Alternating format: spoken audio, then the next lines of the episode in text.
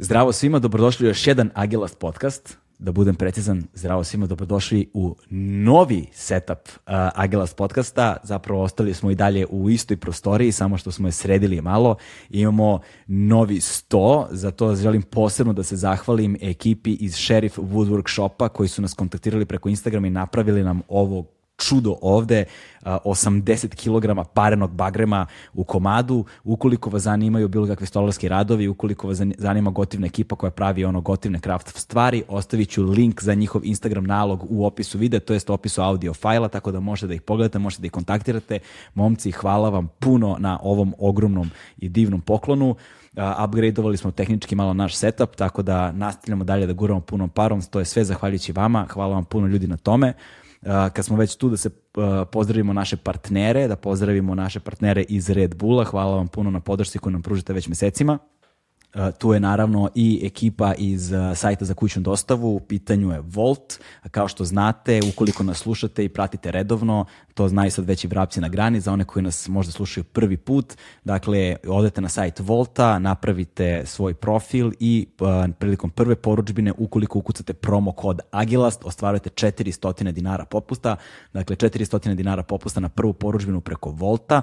Linkovi za njih su takođe u opisu, u opisu videa, to je opisu audio fajla. Naš, uh, naš podcast možete podržite jednokratnim uplatama preko Paypala i možete uh, mesečnim pretplatama preko Patreona, kao što već dobro znate i takođe ovaj, možete da nas slušate na a, različitim audio platformama pored YouTube-a, jer da bi nešto bilo podcast mora da ima digitalnu distribuciju na podcast platforme, tako da smo prisutni na Deezeru, Spotify-u, Apple podcastu, Google podcastu i na brojnim drugim platformama. Gde god da nabavljate svoje podcaste, verovatno možete da nađete i nas, tako da nas pronađete, like, share, subscribe i tako dalje, što isto važi za naš YouTube kanal, vama sitnica, nama znači puno i mislim da smo stigli do kraja servisnih informacija, da pređemo na to šta je naša današnja tema i koja je naša današnja gošća. Naša današnja gošća je i moja draga prijateljica um, Irena Molnar koja zastupa organizaciju koja se zove Regeneracija i oni se bave zapravo edukacijom, programima smanjenja štete i dolaženjem do krajnjih korisnika na terenu kada su u pitanju programi koji se bave psihoaktivnim i kontrolisanim substancama. Vrlo je specifično ono što oni rade i veoma aktuelno s obzirom na to šta se provlači po današnjim medijima, odnosno medijima ovih dana, s obzirom na to da je Rasta uhapšen zbog posjedovanja marihuane uh, i sada se taj problem ponovo vrati u žižu javnosti, tako da pravi vremenski trenutak, jer postoji ogroman broj ljudi koji su zbog uh, korišćenja medicinske marihuane takođe u pritvoru, uh, kao što je Nataša Brašić iz organizacije IRKA koja je provela godinu dana u pritvoru, a za koju skoro niko u široj javnosti zapravo nažalost nije čuo. I ovo je pravi trenutak možda da govorimo ponovo o psihoaktivnim i kontrolisanim substancama, ali ovog puta iz ugla osoba osobe koja je provela puno godina rada na terenu i zna kako stoje realne stvari kada su u pitanju, kada je u pitanju noćni život, kada su u pitanju klubovi, kada su u pitanju splavovi, kada su u pitanju festivali i mislim da bez obzira da li ste upućeni ili niste upućeni u ovu temu, u ovom razgovoru možete dobijete puno informacija koje ranije niste imali i možda da steknete širu sliku problematike um, u kojoj živimo danas. Irena Molnar, Regeneracija, moja sledeća gošća. Uživajte.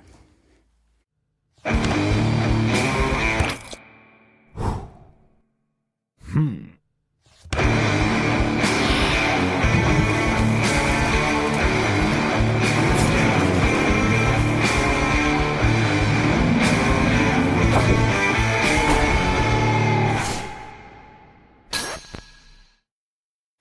Irena, dobrodošla ovaj, u naš novi setup, čoveče. Znaš, ti si prva osoba ovaj, u novoj uh, postavci, gde smo malo smo upgradeovali opremu, imamo ovaj 100 od parenog bagrema, ova ploča ima 80 kila, ono, iz komadine, viš kolika. Imali smo problem s ovim stegama, morali smo da ih proširujemo jer nismo mogli da stanu za ovaj 100.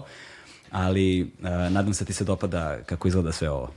Hvala ti na dobrodošlici i bolje te našla. E. Da, baš sam imala utisak da je ovaj sto sada veći nego što je bio onaj prethodni. Mnogo veći. Mnogo veći i potpuno drugačiji setup napravljen.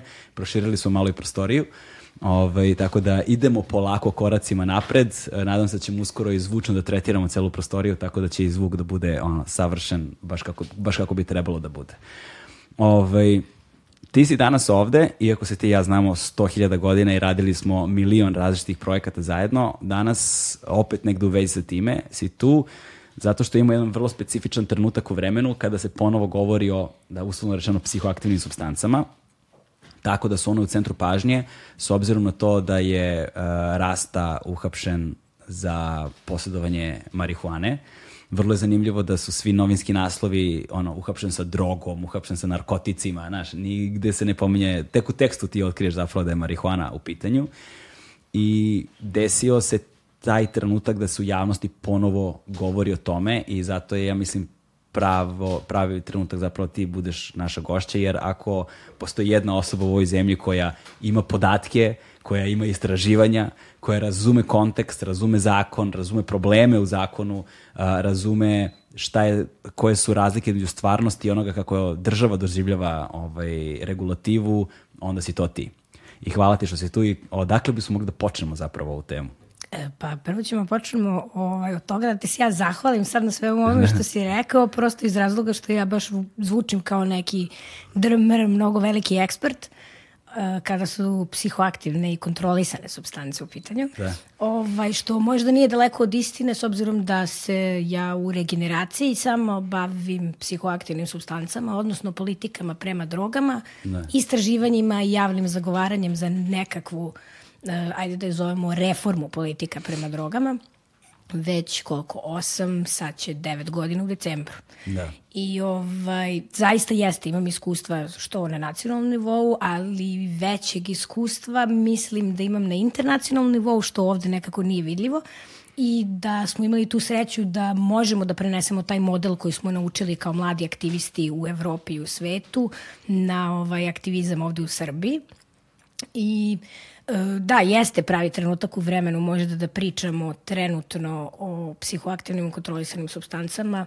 Nažalost, nažalost ili na sreću, sad ja ne znam mm -hmm. ovaj, da li je sreća ili je žalost što je neko opet uhapšen, a da prosto regulativa kao takva ovaj, nije jasna kada se uopšte govori o drogama, posebno ako uzmemo zakon kao takav koji je vrlo širok i vrlo je definisan. Da, posebno a, zbog, kažem zašto je dobar trenutak, zato što je uhapšen upravo Rasta, jer je njegova poznatost je ono što je zapravo gurnulo celo ovu stvar u prvi plan, iako ga ono lešinarski mediji naravno razapinju način na koji bi raz, razapinjali bilo koga, to je njima sada prilika za klik, jel te?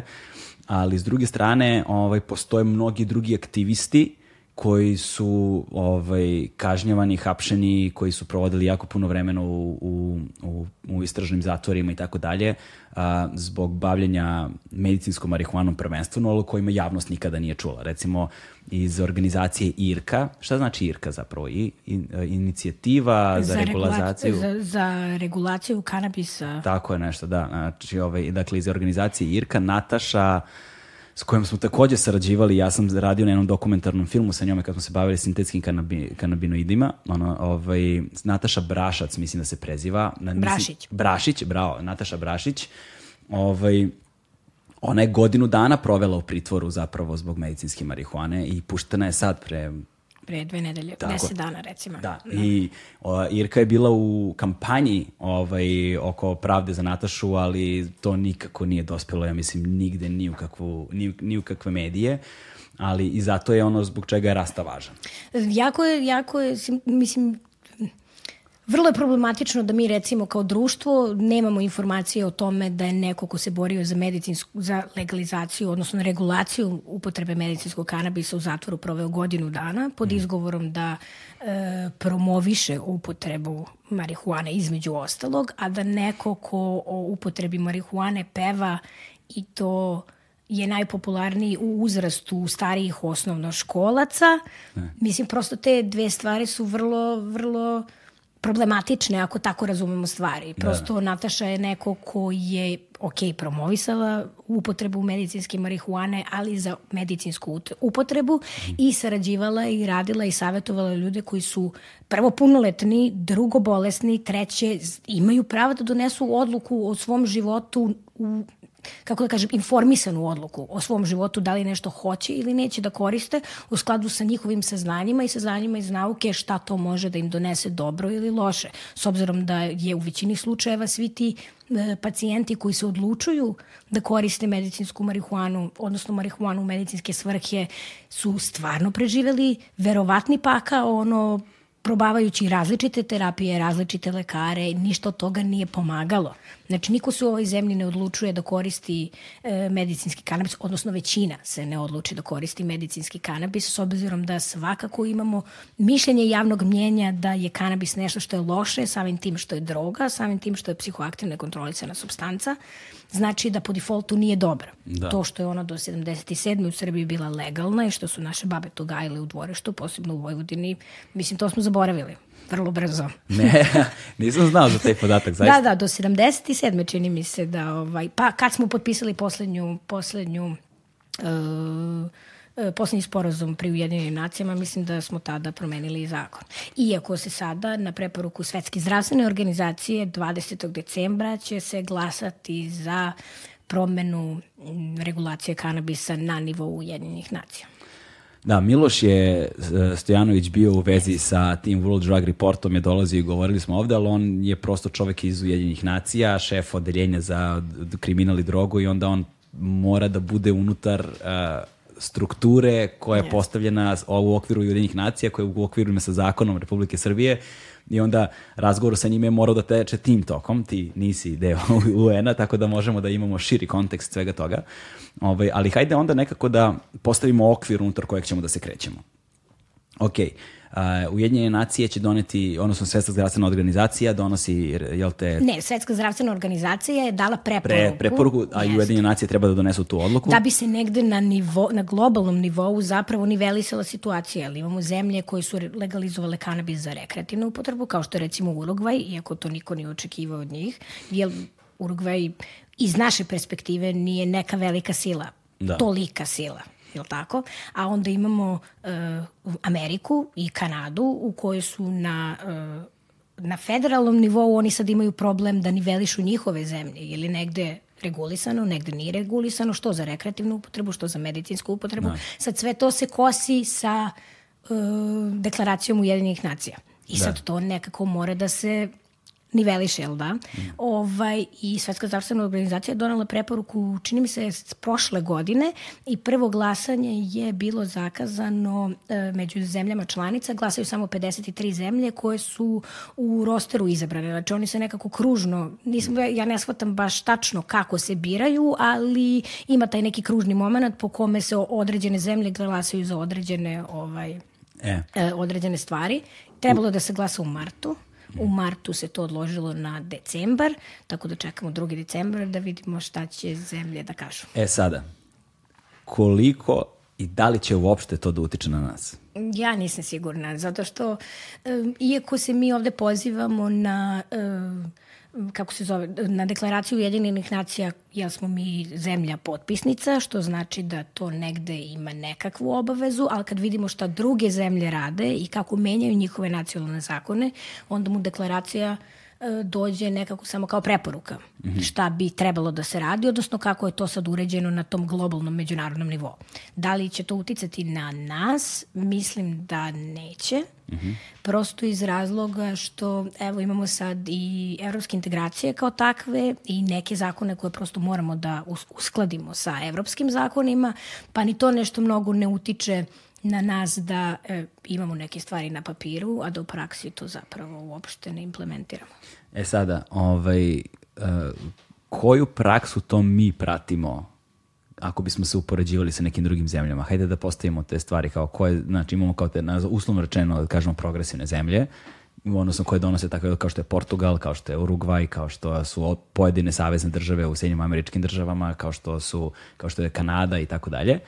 Dobro, imamo i evropskih zemalja u kojima je posjedovanje psihoaktivne kontrolisanih substancije za ličnu upotrebu samo prekršaj, ali Portugal jeste bio jedan od prvih koji je napravio baš veliki iskorak, ali postoje druge zemlje u Evropi koje imaju slične ili iste prakse. Da, ok, ajde da kažemo šta je Portugal uradio, a koje su to druge zemlje koje imaju slične ili iste prakse? 2002. čini mi se 98. prvo je u Portugalu uh, počeo da se implementira program koji se zove smanjenje štete, odnosno harm reduction, te je negde iz tog pokreta, ja mislim, smanjenja štete 2002. Portugal, 2001. čini mi se, Portugal e, napravio presedan i prosto e, dekriminalizova upotrebu psihoaktivnih kontrolisanih substancija za ličnu upotrebu. To znači da ako neko bude uhapšen sa psihoaktivnom kontrolisanom substancom, e, nije da se njemu ništa ne desi. On biva procesuiran. Da. On biva procesuiran i on ide, u, u, ide da razgovara sa ekipom ljudi koja se zove Dissuasion Commission. To je komisija koja zapravo odlučuje da li je ta upotreba problematična ili ne i kakvi će se kotaci preduzeti mm -hmm. da se to uh, iskontroliše. Znači, on će dobiti prekršajnu prijavu i, i ići će u skladu sa tim šta je pronađeno i u skladu sa tim šta psiholog, e, e, pravnik i socijalni radnik procene mm -hmm. iz razgovora sa osobom, ta osoba će verovatno ići da se javlja psihologu ili psihijatru jednom nedeljno, jednomesečno, ne znam koliko vremenski, ali je ono što su oni te tih 18-19 godina sad već ranije uradili, oni su napravili nekakvu listu po kojoj e, određene substance imaju određenu količinu koja je predodređena za ličnu upotrebu. Mm -hmm. Ono što se 20 godina, to 17, 18, 19, 20 godina kasnije pojavilo kao problem jeste to da nije svaka lična upotreba za svakoga ista. Aha. Što znači da ne može jedan gram nečega za nekoga ko upotrebljava substancu godinu, tri meseca, da bude ista kao isti taj gram nečega za nekoga ko neku substancu koristi 10 godina.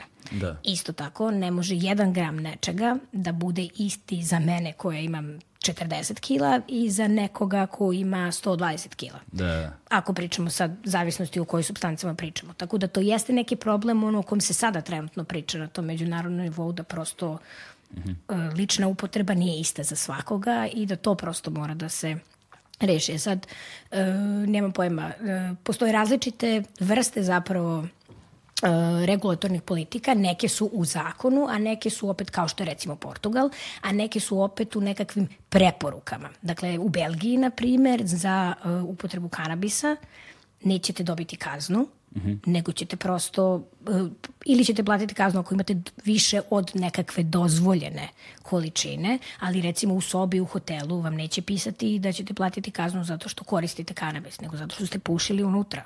Da, da, da. Znači, to stoji. Ja me to bilo onako iznenađenje, pa smo onda malo kopali po tim zakonima da vidimo kako to zapravo sve izgleda. Tako da, ovaj, nije Portugal jedini, ali jeste onako, mislim, na njihovom primjeru se najviše osetilo koliko dobra e, promena regulative može da donese.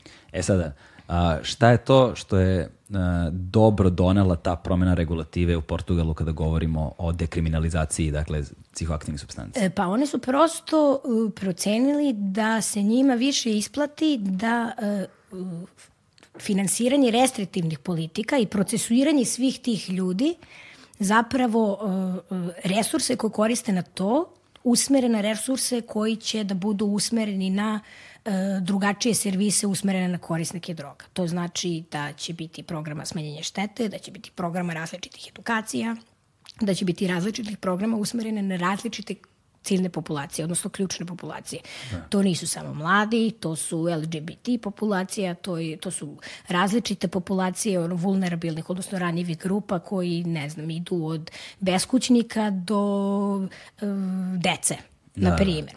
Tako da su ovaj, na različite načine zapravo predodredili taj novac koji su sklonili sa, restrikti, sa implementacije restriktivnih mera i kod njih zapravo stvarno postoje e, različit, različiti nivoji različitih programa koji su jasno usmereni na različite mm -hmm. populacije. A oni su se pritom odrazili takođe i na taj problem a, bo, a, broja zavisnika, na problem a, broja smrtnih slučajeva ovaj, i, i drugih zdravstvenih problema, a, kao što su, ne znam, polno prenosive bolesti i tako da razno razna rizična ponašanja.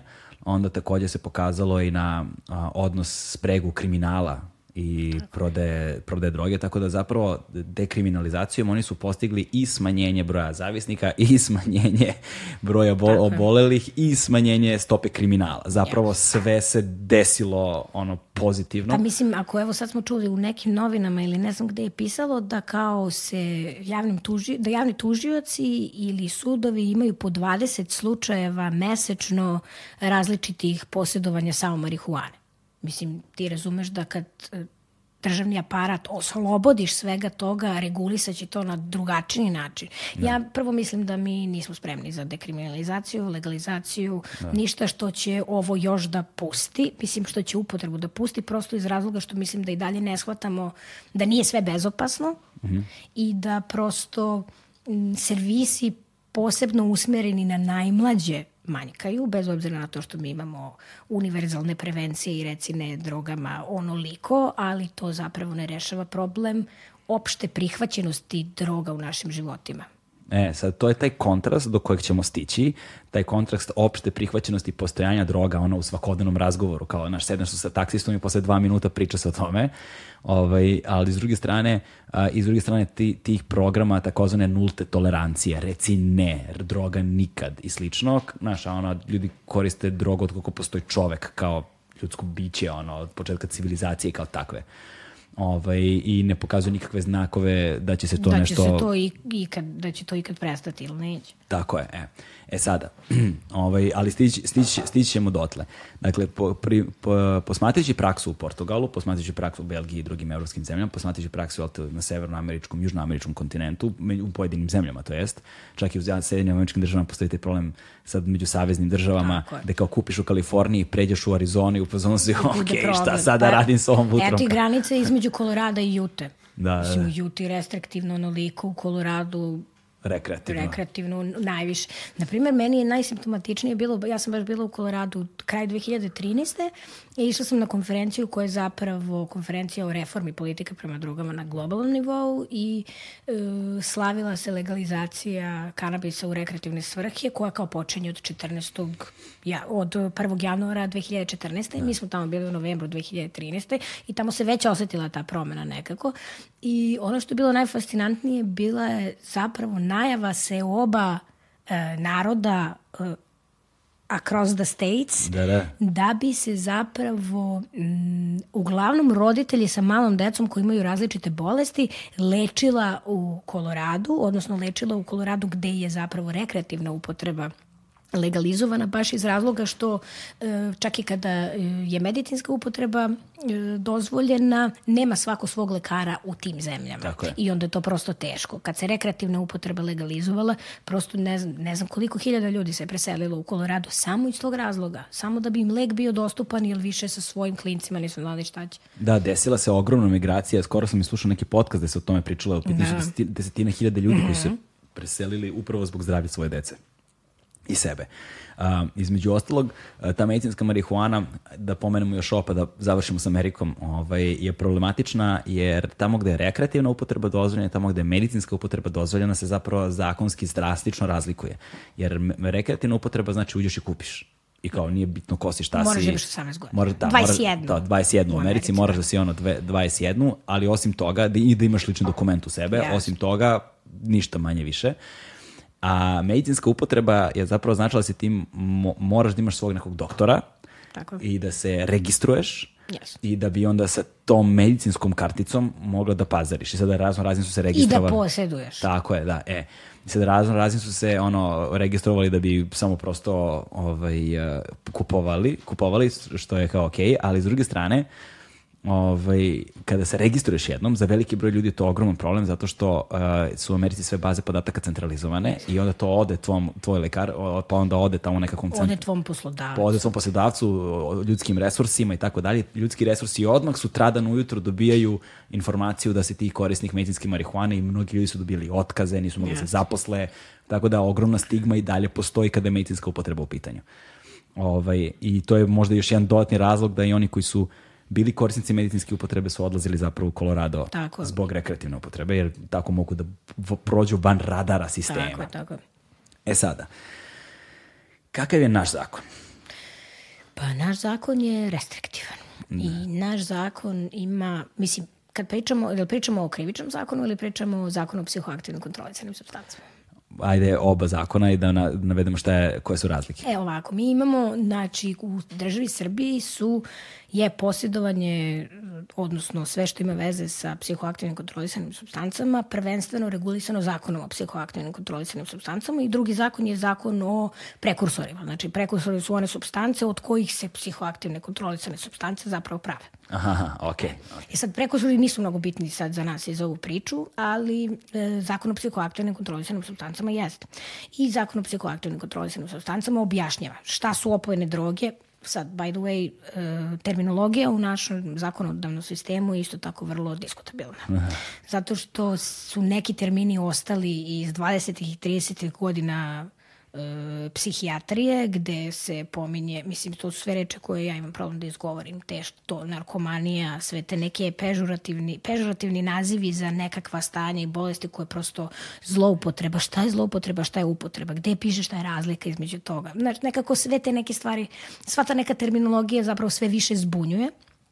Ovaj, kad uzmeš da analiziraš zapravo šta svi ti zakoni kažu, ali zakon o psihoaktivnim kontrolisanim substancama zapravo jasno govori, mislim, govori šta su droge, šta su nove droge, opojne droge, e, ko sve sme da se bavi različitim stvarima u okviru mislim, baratanja sa psihoaktivnim kontrolisanim substancama, ko sme da poseduje, ne poseduje, mislim, ne sme niko da poseduje, sem ako nema dozvolu da, e, sem ako nema dozvolu od e, MUPA i Ministarstva zdravlja zašto posjeduje, mislim to su medicinske ustanove, e, ne znam, VMA, ne znam, sudska medicina, BIA, sad svi koji istražuju nešto, u principu istraživači, da. ali taj krug je jako, jako uzak. I, ovaj, I onda kad završimo sa uh, psihoaktiv, zakonom o psihoaktivnim kontrolisanim substancama imamo krivični zakon koji kaže da je posjedovanje uh, bilo koje količine e, psihoaktivnih kontrolisanih substanci zapravo krivično delo, pa onda imamo e, omogućavanje i imamo za ličnu upotrebu dvoje 247a. Znači imamo 247, 247a i 248 ili 246. Da, da. To su ta tri zakona, ali su u, u tom krivičnom zakonu mislim da najveći problem jeste taj što su oni strašno široki. Imamo i ovaj trgovinu i pravljenje, kako se to zove sada?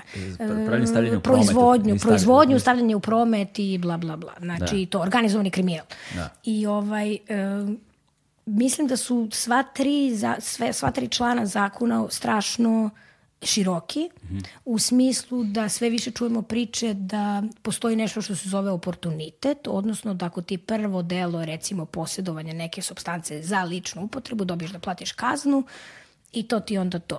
Ali ne stoji nigde šta je lična upotreba, koliko je tu dozvoljeno za ličnu upotrebu, koje su substance na toj listi, da li postoji to, gde je to i kome je to ostavljeno da odlučuje, to je ostavljeno na uh, kako, kako bih rekla, na savesti javnom tužiocu da odluči šta je zapravo ono zašto će da te tereti država. Tako i onda tebe kad uhapse zapravo ti si u milosti ili nemilosti toga kakav će su, tu, tužilac za ti kazne, odnosno sudija. Tako je, a još jedna stvar je ta da uh, uh, uh, zavi, vrlo zavisi od toga, vrlo zavisi od toga gde si uhapšen. Zato mhm. što mislim da javni tužioci sudija u, na jugu Srbije, koji nema možda mnogo kontakata sa takvim krivičnim delima, ima manje kontakta sa takvim krivičnim delima, ima prosto možda mnogo goru sliku o tome koliki je sad to prekršaj, gde recimo u Beogradu je to nešto što ja sam sigurna sudijama stiže svaki dan. Da. Ovaj, a druga stvar jeste ta što je recimo isto jako mislim zanimljivo za spomenuti jeste to da recimo tebi nigde nije zabranjena upotreba. Znači u krivičnom zakonu ne kaže ti ako si drogiran ideš u zatvor ili si kažnjen ili nešto, nego posjedovanje.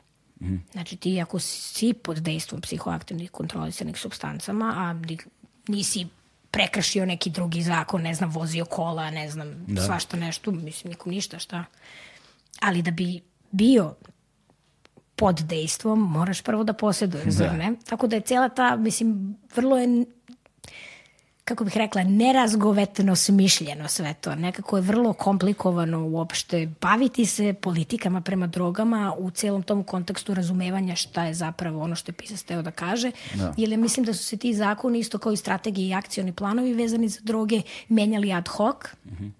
Isto kao i zakon o psihoaktivnim kontrolisanim substancama se menjao ad hoc prosto iz razloga što smo mi sada na uh, putu uh, evropskih integracija, te taj put i određena poglavlja očekuju od države Srbije da određene zakone i politike harmonizuje sa zakonima i politikama Evropske unije. E da, sada tu da, da malo da plastičnije to ovaj, objasnimo ljudima, kad kažemo da, da se koristi stara terminologija iz psihologije i psihijatrije ono, iz prve polovine 20. veka, a, koja je zastarela na mnogo nivoa, ovaj, kažemo da kako je Philip K. Dick pisac lepo rekao, kaže, najmoćnije oru, oružje na, reč, na svetu su reči, jer ljudi koji kontrolišu reči i njihova značenja kontrolišu one koji moraju da ih koriste. I ovaj, recimo kada razgovaraš sa doktorima, i to pritom kada razgovaraš sa ljudima koji su i u um, uh, zvaničnim institucijama za bolesti, zavisnosti, akutne trovanja i tako dalje, na oni ne mogu niti da se odnose prema tome na takav način, niti u praksi da ovaj niti svoju praksu da sprovode na takav način eh, da koriste recimo eh, rekreativnu upotrebu. Da. Zato što zakon ne prepoznaje rekreativnu, rekreativnu upotrebu, tako ni doktor koji se bavi time ne, ne. sme da prepoznaje rekreativnu upotrebu. I onda je za njih svako korišćenje, pa makar jednom u životu probala jednu stvar, automatski zloupotreba, Jasno. i ti si neko ko ima problem. I to je vrlo restriktivno i tu nema nikakvog prostora za toleranciju, niti prostora za delovanje na bilo koji način i oni pravno, formalno ne mogu da deluju, iako možda sami znaju da to nema nikakve veze sa stvarnošću, ali ne mogu da se odnose prema tome. To je s jedne strane, a s druge strane, taj opšte opisani, iako donekle precizan, da se ogradimo kao, ali opšte, opšte ovaj, tako zaokruženi džutore sve stavljeno u jedan koš, a, znači da ne postoji nikakva razlika um, među psihoaktivnim substancama. Znači, do trenutka dok ne dođe do osobe koja će da odlučuje o tome. Znači ti ćeš recimo za ne znam ono kanabis, verovatno marihuanu da dobiješ taj oportunitet zato što je to nekako ne. Mislim ja ne mogu ni da ih podelim na lake i teške. Uopšte nema lakih i teških, ono ima mnogo veze sa tim šta zapravo sadrži ta substanca i koje je tvoje predstanje. Da.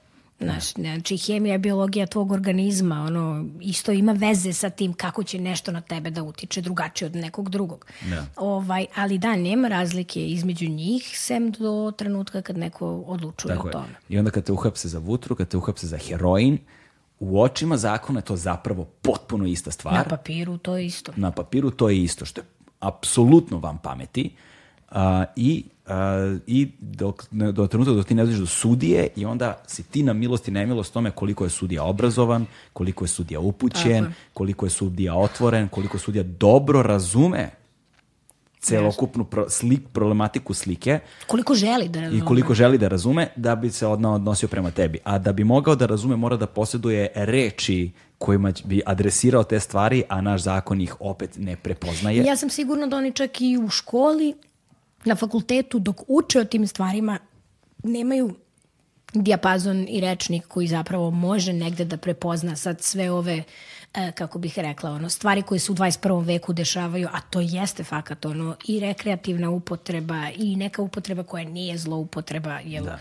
Prosto je nelogično da je svaka, svako, svaka čaša vina zloupotreba. Da. Jel to je isto? Alkohol je psihoaktivna kontrolisana substanca. Ja najviše u našem poslu, ono što najviše doživljavamo jeste da nam ljudi pričaju kako je uh, joint ulazak u svet droga. Ne, nije. Alkohol je ulazak, ulazak u svet psihoaktivnih kontrolisanih substanci. Ali bez obzira na to, svi imamo slike kad smo bili mali sa čašom rakije ili sa čašom piva ili sa nemam pojma čime. Da. I to je ahaha, razum, to je, to je prosto nekako nešto što se prepričava kao smešno. Jao, kad smo bili mali, slikali se sa cigarom ili sa čašom piva. Tako je, ono deci od 10 godina se daje iz čepa, znaš, tako je, tako je. A onda treba tom detetu u šestom razredu kad napuni 12 godina i krene na ekskurziju da objasniš da taj alkohol ipak nije dobar, a ne nešto drugo da mu objasniš. Da. Da. Ali to dete isto tako gleda kako kući peku rakiju, kako se pije, kako se puši, sve, mislim sve to gleda. I kako ti onda njemu da objasniš da to možda ipak nije pametno?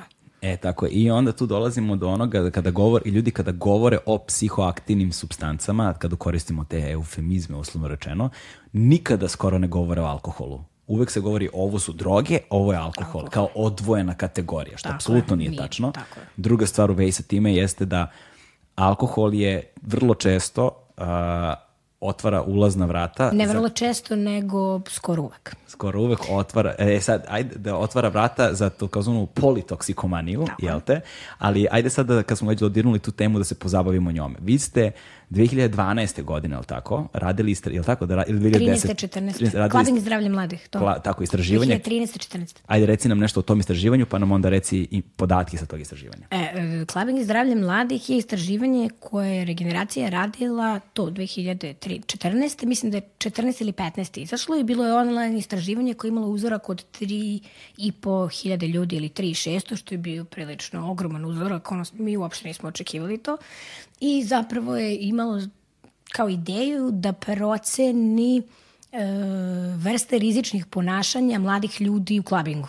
U Srbiji. U Srbiji, jeste. I mislili smo da, bu, mislim, nekako je, samo pošto smo mi negde najviše se kretali po uh, elektronskim, dešavanjima elektronske muzike, gde se puštala elektronska muzika, negde nam je to bio fokus, prosto zato što su, svi ti uvek kažu da je to taj tehno tamo, to droga i to je to. Znači, tehno treba šta god to bilo. E sad, e, mi e, misleći da to verovatno, mislim, misleći da je to samo pretpostavka, ulazimo da ispitujemo i tu stvar ono gde ljudi izlaze, kada izlaze, kada uopšte koriste psihoaktivne substance, da li ih koriste samo u noćnom izlasku ili ne, te je istraživanje pokazalo da najveći broj ljudi, odnosno 90% e, ispitanika pije alkohol svaki put kad izađe i to je uglavnom u noćnom životu, uglavnom vikendom. Da. E sad, um, alkohol je najupotreblje, najupotrebljavanija psihoaktivna substanca, bukvalno bez izuzetka i baš smo se začudili da, je, da nam je ostao taj procenat od 10% ljudi ili 4,5% ljudi koji nije koristilo alkohol, ali je tih 4,5% ljudi koristilo neke druge psihoaktivne substance. U svakom slučaju, um, nije uopšte bilo razlike između onih koji su slušali narodnu muziku i izlazili na splavove, to jest koji su prijavili da slušaju narodnu muziku i izlaze na splavove, od onih koji idu na neka druga muzička dešavanja, te nam je to onako bio prvi, prvi iznenađujući podatak, ali u stvari vrlo logičan, zato što ako je negde u društvu uopšte prihvaćeno da su psihoaktivne substance tu, a jesu, iako mi na televiziji gledamo o tome, muzici slušamo o tome, prosto negde tu je, svuda je, nekako je uopšte nije nelogično da prosto u svim muzičkim žanrovima, odnosno u svim interes, u, u ljudima koji imaju različite interesovanja, prosto dobijemo podatak ono da različite psihoaktivne substance koriste. E sada, um, hajde da, da pozabavimo malo preciznijim podacima sa tog istraživanja. Dakle, uzorak je pretpostavljao uzrast od E, 18 do 35. od 18 do 35 godina. I tu smo dobili informacije, daj neke podatke precizne o tome a, koliko njih zapravo počinje sa alkoholom. E, počinju sa alkoholom, e, nećete verovati, ali možda i hoćete, e, počinje se sa alkoholom u osnovnoj školi i to dečaci imaju inicijaciju u svet psihoaktivnih substanci to 12-13 godina, a devojčice 15-16. To znači kraj osnovne škole, početak srednje škole. I to tačno, evo ja kad se setim sebe kad sam bila mala, to je ekskurzija u osmom razredu. Da. Tate prvi put vode da ti tamo negde tri dana spavaš, ideš negde nešto radiš i ti se sa tih 14 godina osjećaš kao car, završavaš školu, čoveče, mislim, veliki si kao.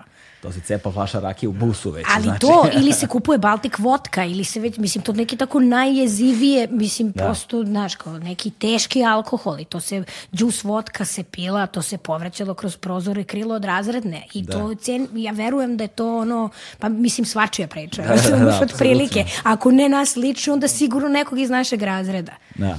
Druge, druga stvar je da je to skoro uvek binge drinking, Da, dakle, da, da. dakle pijenje do ispijanja. E, dečaci mnogo, mislim muška populacija mnogo manje e, se priprema za izlazak od kuće, dok su devojke kada su odgovarale na pitanja priznale da one uglavnom više piju u kući pa onda izađu.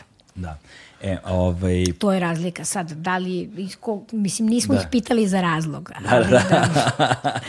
da, ovaj, e sad, upotreba drugih psihoaktivnih substanci pa ovako, i sad kada se sa njima počinje, u koji procentima se koriste? E, upotreba drugih psihoaktivnih substanci, kanabis je najveći i kanabis od, od nemam pojma, 90% ljudi koje je reklo da koristi psihoaktivne substance, ne znam, 80% njih čini mi se koristi i kanabis, e, posle toga, ispod toga ide speed i posle toga MDMA i ekstazi.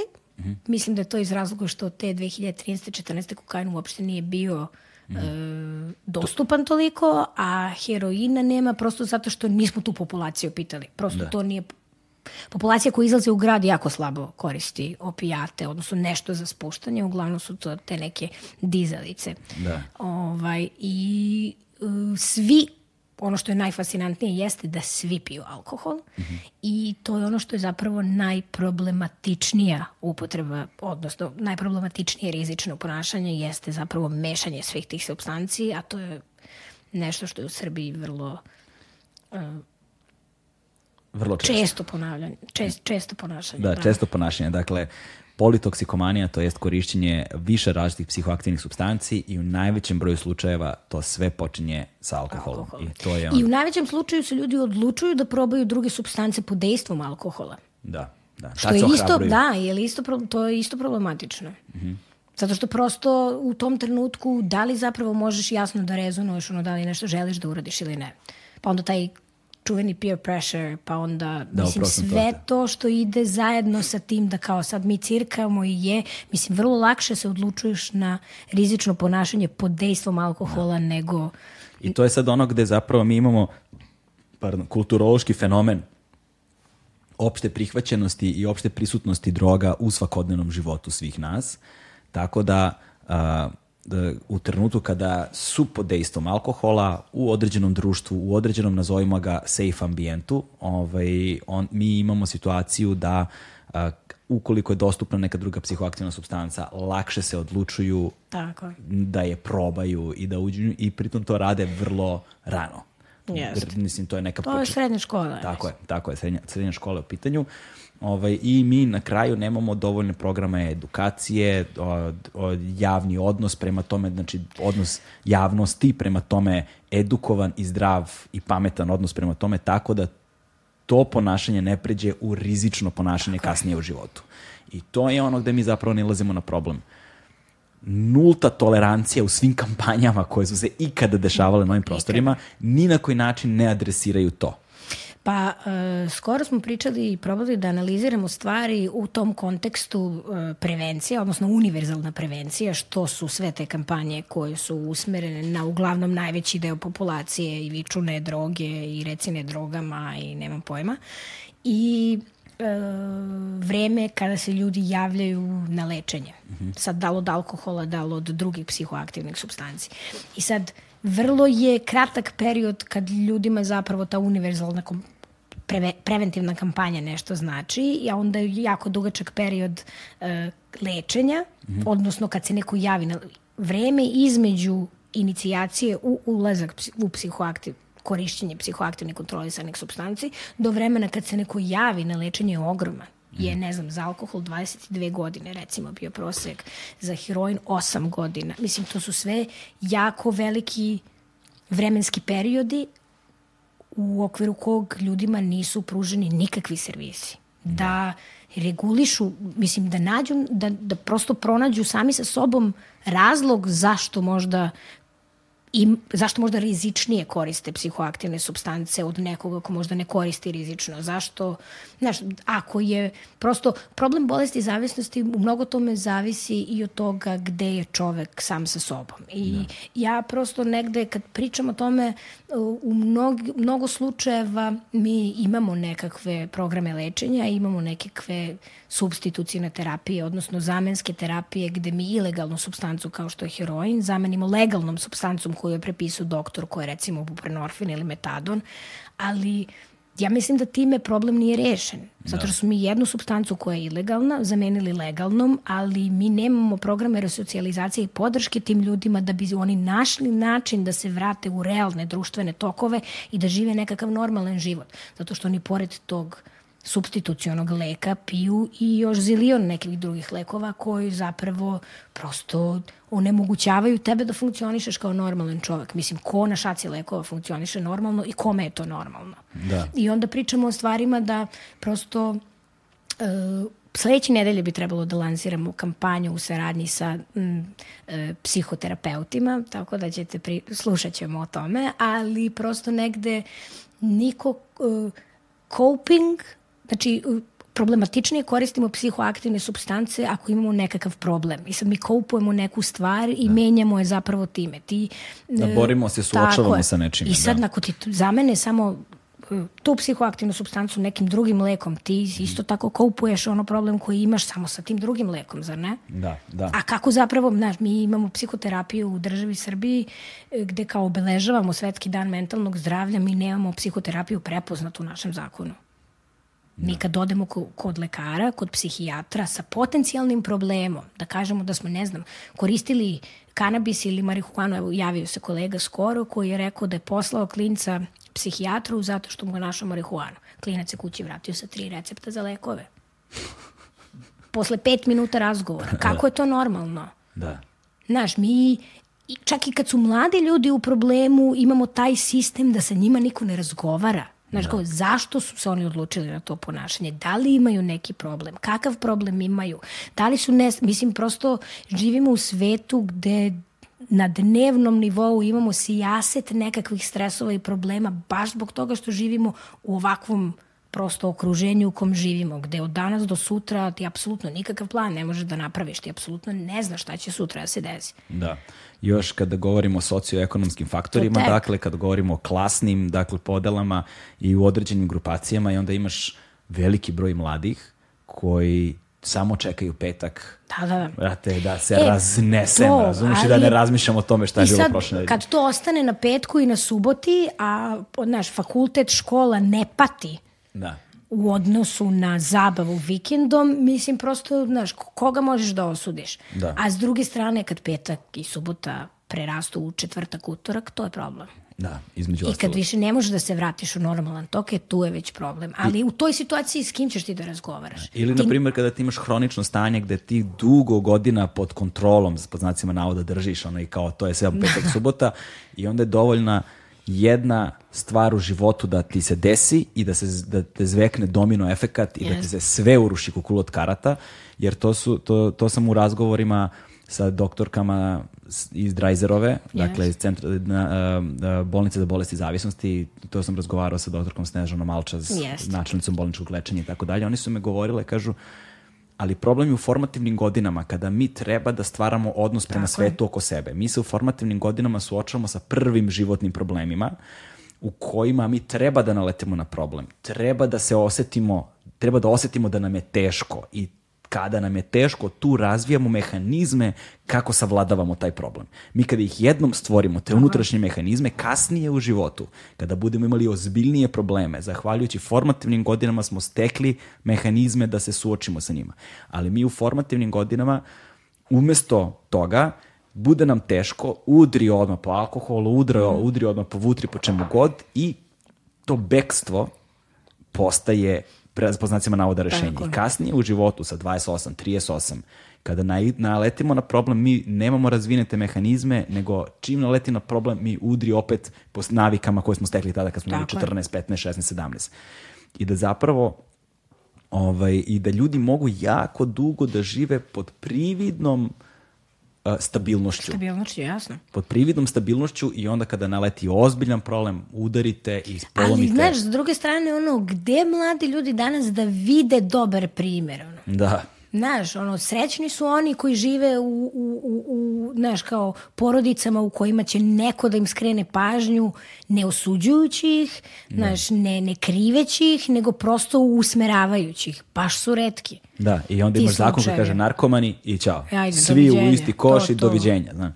Tako da, e, kao bavim, e, mislim, bavimo se, na, ne bavimo se zapravo uopšte pod e, znakom, kao pod navodnim, navodnicima da se bavimo zapravo nekakvim problemom. E sada, ovaj, a, na sve ovo a, mi dolazimo i do toga da se upravo u tim periodu, tom periodu od 2012. 13. 14. pojavljaju takozvane nove psihoaktivne substancije između ostalog, među kojima je, su sintetski kanabinoidi, je li tako? Pa sve sintetsko. Mislim, Sve da, sintetsko. različite droge, da. Da, različite. Ajde sad da malo da pričamo o tome, što nam dodatno otežava razumevanje celokupnog problema, da bismo došli do toga da imaš recimo celu sada, ne znam, generaciju klinaca, taj Gen Z ili kako se već zovu, koji ti ono, Xanax, Molly, ono, kombinacije, pa kad uzmeš ono od Futura, pa ne znam koga, sve te rap pesme, ono, Molly Percocet, jel? To, to je te kombinacije. E, ali znaš, d- baš je razlika, ja nisam sigurna da se ovde u Srbiji iko kod nas recimo bavi e, lekovima na recept, odnosno lekovima koji se izdaju na recept, a koji se zloupotrebljavaju u najvećem mogućem obimu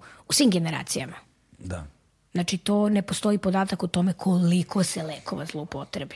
I ko je uopšte kriv za to. Jer ako ti dođeš kod lekara sa jednim problemom, on na pet minuta ti kaže, evo tri leka, izvolite Xanax, izvolite ne znam šta, i ti šta, dao ti je doktor. Da. Mislim, vrlo je veliki problem kada imaš doktora koji nehaje za to kakav je tvoj odnos sa tvojim lekovima za recept. Ne znam, deset slučajeva koji su išli na privatne klinike da se skidaju sa recimo rivotrila jer su im terapije u svojim institucijama koji su od svog lekara dobile bile prevelike.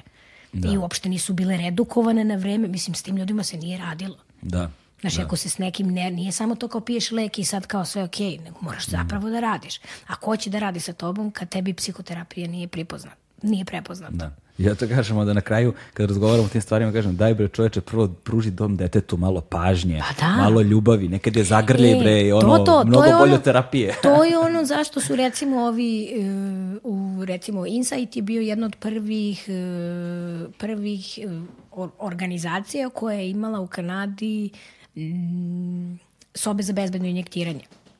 E, ljudi koji su koristili opijate, odnosno heroin, pa su išli da injektiraju tamo, su na drugom spratu imali psihoterapeuta, doktora, e, različite servise. Na trećem spratu su imali da opere u odeću, da urade svašta nešto, da se prosto osjećaju kao ljudi. Da. Veliki procenat njih se uz tu pažnju zapravo odlučivao da nađe posao, da promeni svoje navike, da proba da promeni svoje navike. Jer ti ovde, ako nekoga stalno osuđuješ zbog svog krivičnog ponašanja, upotrebe droga, posjedovanja šta Da, da. god, taj čovek ako mu ne pružiš nikakvu pažnju, on ne misli da vredi. Zašto bi se on sa lošim mišljenjem o sebi uopšte trudio da bilo šta promeni? Tako je. Znaš, taj problem, dakle, e, samopouzdanja, samopoštovanja, to su ono, znaš, i sa drugim sagovornicima u podcastima koje sam snimao su, su to teme koje su isplivavale na Tako je. površinu. Evo, prošli podcast koji sam radio uh, sa, sa prošli, pretprošli podcast koji sam radio sa Canetom, to je onma bila tema, samopoštovanje i kao samopouzdanje, znaš, kao ko će, kako ti da sumnjaš u autoritete, Znaš, moraš da se uključiš nekako u taj proces, a da bi mogao to da radiš, da bi mogla da donosiš odluke o sebi i sopstvenom životu, Tako o ljudima oko sebe, da se držiš tih odluka, da veruješ u konačni ishod odluka koje donosiš, o tome šta ti treba, šta želiš, šta nije dobro za tebe. Tim bre moraš da budeš izgrađena kao osoba na neki način ili u formativnim godinama da budeš u okruženju koje ti pruža tu vrstu podrške. Bez toga, ti kako kaže drugar, jedan stari klaber, kaže, kaže ovaj ka, koji je njegov princip za, za, za drogiranje kaže ovaj um, kaže kad sam dobro da budem odlično a ne kad sam loše da budem dobro da. znaš Mislim, vrlo je bitno i taj set i taj setting. Ono, vrlo je bitno odakle polaziš i uopšte kako se osjećaš. da i meni je kad sam recimo radio um, priču o ayahuaski i tako dalje Mhm. koju smo puštali ne pre nekoliko godina na TV-u meni se od tada i dan danas Znači, dan danas, skoro, svakoga dana, ja dobijem barem dve, tri poruke od nekih ljudi koji su fazonu, je, gledao sam tvoju, kao da li bi me spojio sa nekim šamanom, Da. ovo ili ono. Ja nikada nikome na te poruke ne odgovaram, zato što ne znam prvo šta da kažem tim ljudima. To je prva stvar. Ne poznajemo se, ne poznajemo se. Druga stvar jeste što vrlo često, vrlo često kad dobijem te poruke, to budu traktati ogromni, u kojima, e, zdravo, gledao ili gledala sam. Ja i sam onda, taj, taj i istorija problema. I onda istorija problema. Znaš, i na kraju se ti pitaš da li ta osoba zapravo traži kontakt ili toj osobi samo treba neko da razgovara. Jer očigledno je, znači ne poznajemo se, ali podeli taj ogroman problem u tom nekom traktatu i a, ogromna je odgovornost sad da se ja preuzem na sebe da odgovaram i da se bavim time, ne, ne, ne, ne mogu prosto to da radim. I ono što ljudi vrlo često primećujem da ne razumeju jeste čekaj, brate, nije ti ayahuasca rešenje. Znači, ayahuasca možda može nekome da bude, ali to je opet individualna stvar i to sve zavisi od mnogo širokog Jasno. konteksta, komplikovano, koji ne može tako jednostavno se da. Dakle, brate, možda ti je potreban razgovor, možda ti je potreban psihijatar, možda ti je potreban samo zagrljaj. Bukvalno. Brate, možda ti je seks potreban, razumeš? Ono, Znaš, pa ko zna, ko zna? kao, stvarno su svi različiti i, i znaš, kao, kopujemo sa različitim problemima na različite načine, ali su oni čuli negde da je to nekome za nešto pomoglo. Tako je, znaš? da. I sad kao, e, možda će i meni. I onda se ljudi zapravo pokušavaju očajnički na sve strane, jer mi živimo u svetu gde je sada taj zaoštreni individualizam, ali mentalno zdravlje toliko ugroženo. Strašno, da. Ljudi su usamljeni, ljudi su depresivni, ljudi su nesrećni, ljudi žive u prekarijatu, Mhm. ono nemaju, jedva sastavljaju kraj s krajem i nemaju gde niti kome da se obrate za pomoć, ne znaju šta su njihova prava, ne znaju kako mogu da steknu ta prava i tako dalje. A na sve to onda kad dodamo celu ovu stvar, problematiku koju mi govorimo i kada dodamo popularnu kulturu koja izgleda kako izgleda, dobijamo... koje, koje predstavlja stvari ono kao potpuno drugačije od onako kako realno jesu, ono, pogotovo kod nas u Srbiji. Tako je. E sada, ovaj... Nove e, droge. Ne, da, nove droge, pomenut ćemo nove droge, ali pre nego što pomenemo nove droge, ima da to ne- nešto što može paralelno da ide. Ovaj, nismo jednom trenutku rekli zapravo šta je regeneracija koju ti predstavljaš ovde, zato što želim da, se, da sada se usmerimo, jer na više puta pomenute ovaj, programe ovde koji su, kojima se vi bavite, to su harm reduction i outreach, što bi zapravo na srpskom bilo a, smanjenje štete i šta bi outreach bio zapravo Pa outreach bi bio neki dosezanje ključne, odnosno target populacije tokom terenskog rada, odnosno tamo gde oni zapravo jesu. Da. E, da regeneracija je e, nevladina organizacija koju smo osnovali 2011. godine i ona se sad najjednostavnije bavi istraživanjima e, koje u, u, vezu dovode društvene probleme i upotrebu psihoaktivnih substanci. E, bavimo se e, politikama prema drogama i negde javnim zagovaranjem za uspostavljanje programa smanjenja štete, odnosno programa koji negde savetuju e, različite ključne populacije kojima se bavimo, kako zapravo da ukoliko se odluče da e, koriste bilo koje psihoaktivne substance, imaju dijapazon informacija na osnovu kojih mogu da donesu informisanu odluku o tome šta je zapravo rizik koji preduzimaju, znači što zakonski, to zdravstveni, i da na osnovu tih informisanih odluka mogu da donesu odluke o tome da li nešto hoće ili neće da urade i šta to zapravo sutra može da znači. Dakle, znaš, ono što ljudi ne razumeju, ne možeš ti nikome da zabraniš ništa i činjenica se ti postavljaš tvrdokorno koje nikad ne može, kao što, evo, upam, setite se bilo koje javne kampanje u istoriji koju ste videli ovde i da li su to bile kampanje koje nisu koristile reči nikad, stop, ne i slično. E pa jedino ova prošle godine egzitovao odakle to je roba dolazi je negde malo možda saslušala kritike na teme To je bilo prošle preprošle.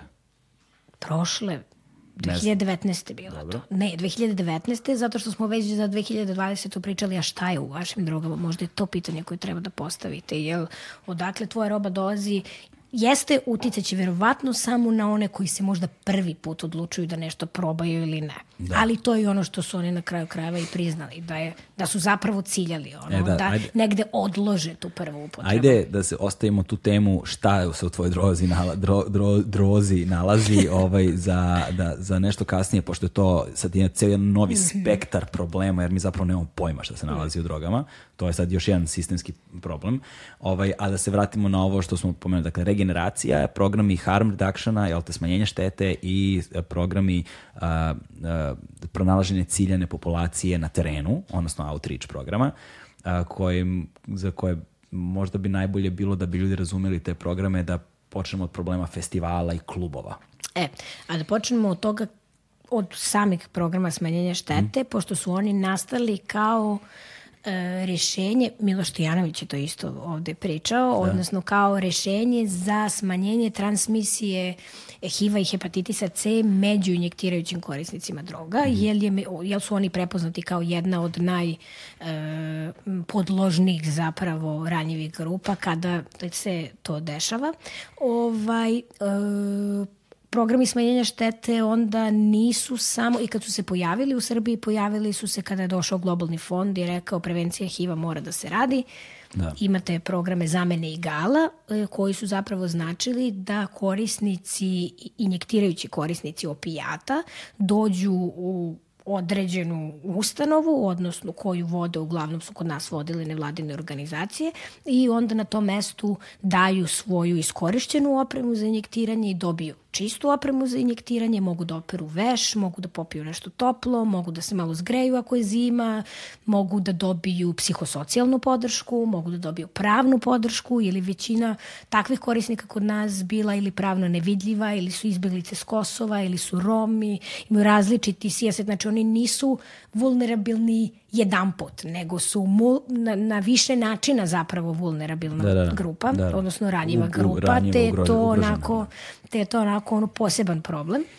Međutim, e, samim prosto razvojem upotrebe, razumevanja upotrebe psihoaktivne kontrolisanog substanci nije svaka onda upotreba problematična. Znači, različite su substance, različite su upotrebe, tu dolazimo baš do I termina. su ljudi. Jasno, i tu dolazimo prosto do tog termina rekreativna upotreba, odnosno upotreba u rekreativne svrhe, da li to bilo da se neko zabavi, da li to bilo da neko eksperimentiše.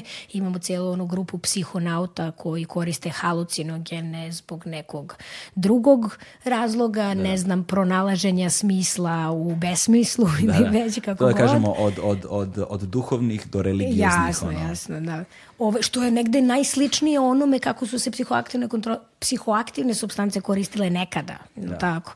Posebno ovaj, generacije 60-ih. Tako je. Ovaj, u svakom slučaju, e, kada se negde ta rekreativna upotreba kada je postala zapravo ono dominantnija u nekim društvima, ali prosto malo više prepoznatljivija, pojavili su se i variacije na temu programa smanjenja štete, gde se opet ne priča samo o injektirajućim korisnicima droga i toj prevenciji HIV-a koja je bila inicijalna mhm. kapisla za osmišljavanje takvog servisa, već se priča i o prosto e, edukaciji rekreativnih korisnika tamo gde oni jesu, odnosno programe edukacije o rizicima upotrebe mm -hmm. psihoaktivnih substanci koja e, edukuje ljude na žurkama i festivalima, na primer, o ne samo rizicima upotrebe pojedinih substanci, već i o rizicima mešanja različitih substanci, rizicima upotrebe različitih substanci na različite načine. Sad sve sa sobom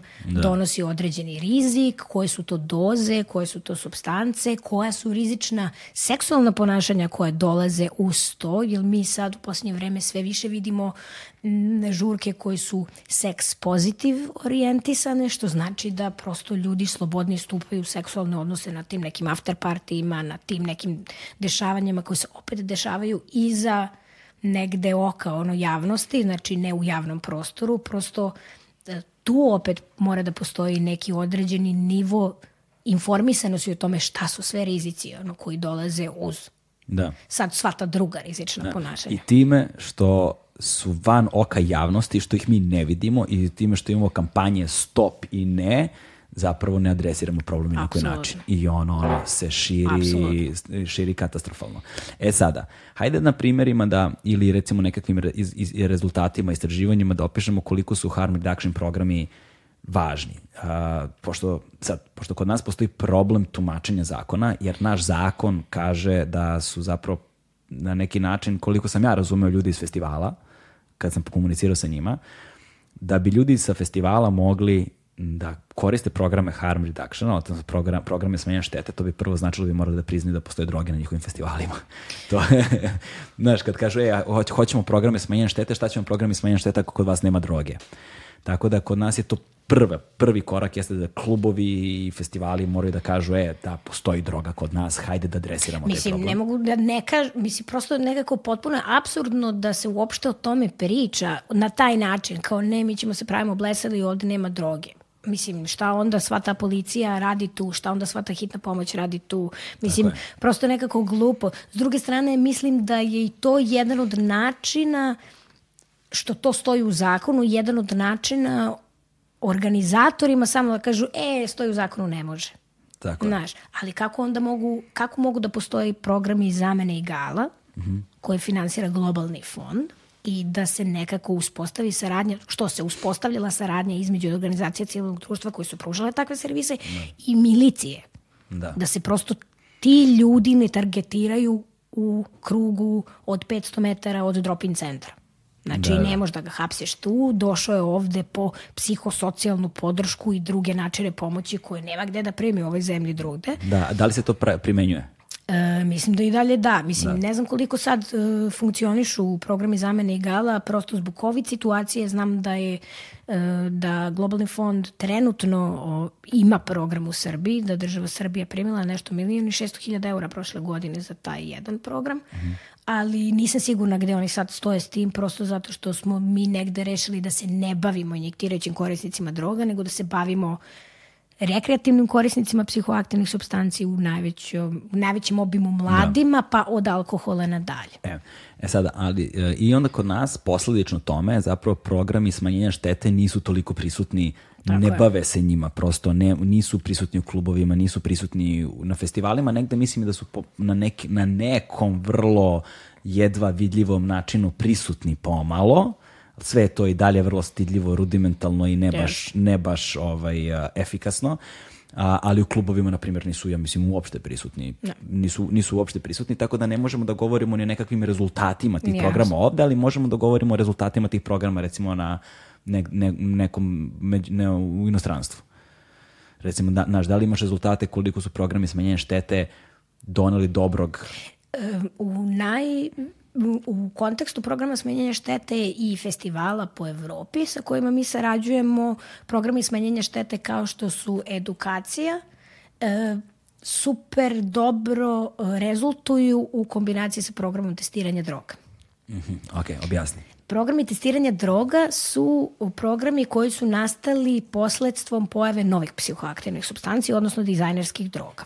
E, s obzirom na to da je globalna politika prema drogama restriktivna, e, ljudi su našli način kako da zaobiđu tu restrikciju, odnosno e, psihoaktivne kontrolisane substance su kontrolisane po određenim hemijskim formulama koje se znaju ko je ko je za koju substancu. Mm -hmm. Međutim, ljudi koji su želeli da zaobiđu, uglavnom su to pa različiti naučnici, mladi naučnici, istraživači, ima ih raznih, su našli način kako da zaobiđu tu stvar, te menjanjem jednog molekula ili jedne veze molekula u toj hemijskoj, e, u tom hemijskom sklopu zapravo zaobilaze zakonsku regulativu, je li tako? Mm -hmm. I od 2000, recimo 14. do 2000 i 17. 18. mislim da se pojavilo oko 600 novih psihoaktivnih substanci.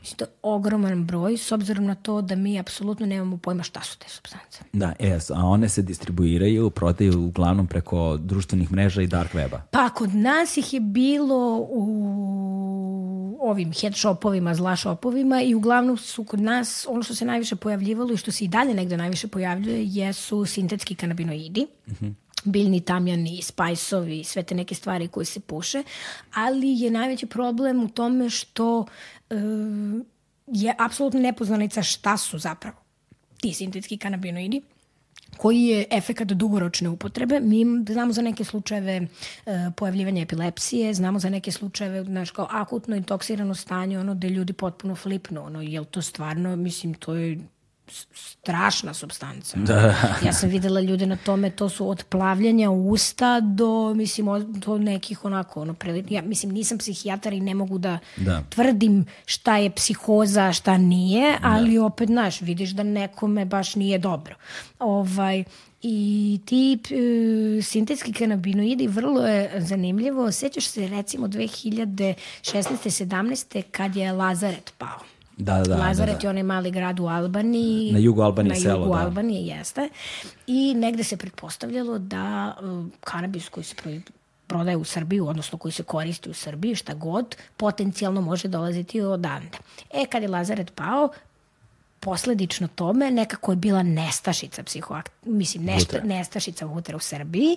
E, u istom tom periodu uh, VMA, klinika za toksikologiju, ima prijavljenih u nedelju dana 36 ljudi koji su došli zato što su se uh, prepušili sintetskog kanabinoida Da, došli su... koji je u to vreme bio legalan, potpuno legalan. Znači kupiš, pušiš i kao nikom ništa. E, zašto su se ljudi odlučivali uopšte da koriste e, sintetski kanabinoide, posebno mladi, jeste zato što nisu bili na listi psihoaktivnih kontrolisanih substanci, dakle nisu bili regulisani. Ne postoje informacije o tome koliko je to dobro, loše, šta je. Mislim, apsolutno nemaš nikakvu info. Mislim, ni ne znaš šta pušiš. Drug, treće, e, znači nije kriminalizovano, nema nekakve bojazni od posledice zato što su nove psihoaktivne Da. substance i vrlo su lako dostupne, Da. čak i jeftine.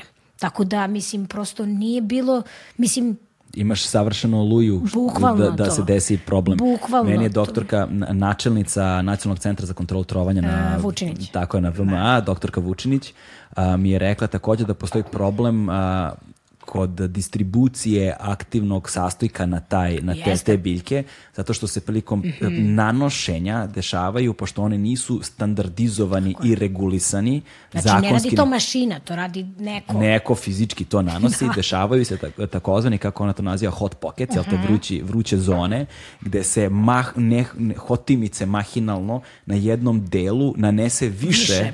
Pa da. a vrlo mala količina je dovoljna da bude da ima Kobra, katastrofalne jeste. posledice. Tako da ako ti imaš tu, ne, to je rulet, ti ako imaš tu nesreću da zabodeš baš tu, I, i, da, da, ali isto, na primjer, ako ne znaš koliko ti je dovoljno, ako ne znaš šta je doza koju treba da uzmeš, pa ne znam, smotaš sintetskog kanabin, kanabinoida ko što smotaš, ono, nemam pojma, ono, Vutru vutru, mislim, i to može da bude kobra. Ti apsolutno nemaš pojma Da. kako uopšte se ponašaš sa tom sub, substancom da Tako to je. bude što bezbednije po tebe i po druge. E, sad, kod tih dizajnerskih droga, ono što se takođe pojavilo posle 2010. 2011. godine jeste a, kada je MDMA postao popularan ovaj, u tom nekom periodu otprilike, a, pojavila se sintetska neka verzija možemo kažemo sintetska verzija MDMA, zapravo govorimo o mefedronu. Ma, mjau, mjau, da, Mjau, da, mjau, da, e, da, da. To je sintetski katinon. A eto, ajde sad. Katinoni su dobili ime po onoj biljci kat, koja Da. je zapravo biljka u Etiopiji, koja je zapravo stimulativnog efekta. Mhm.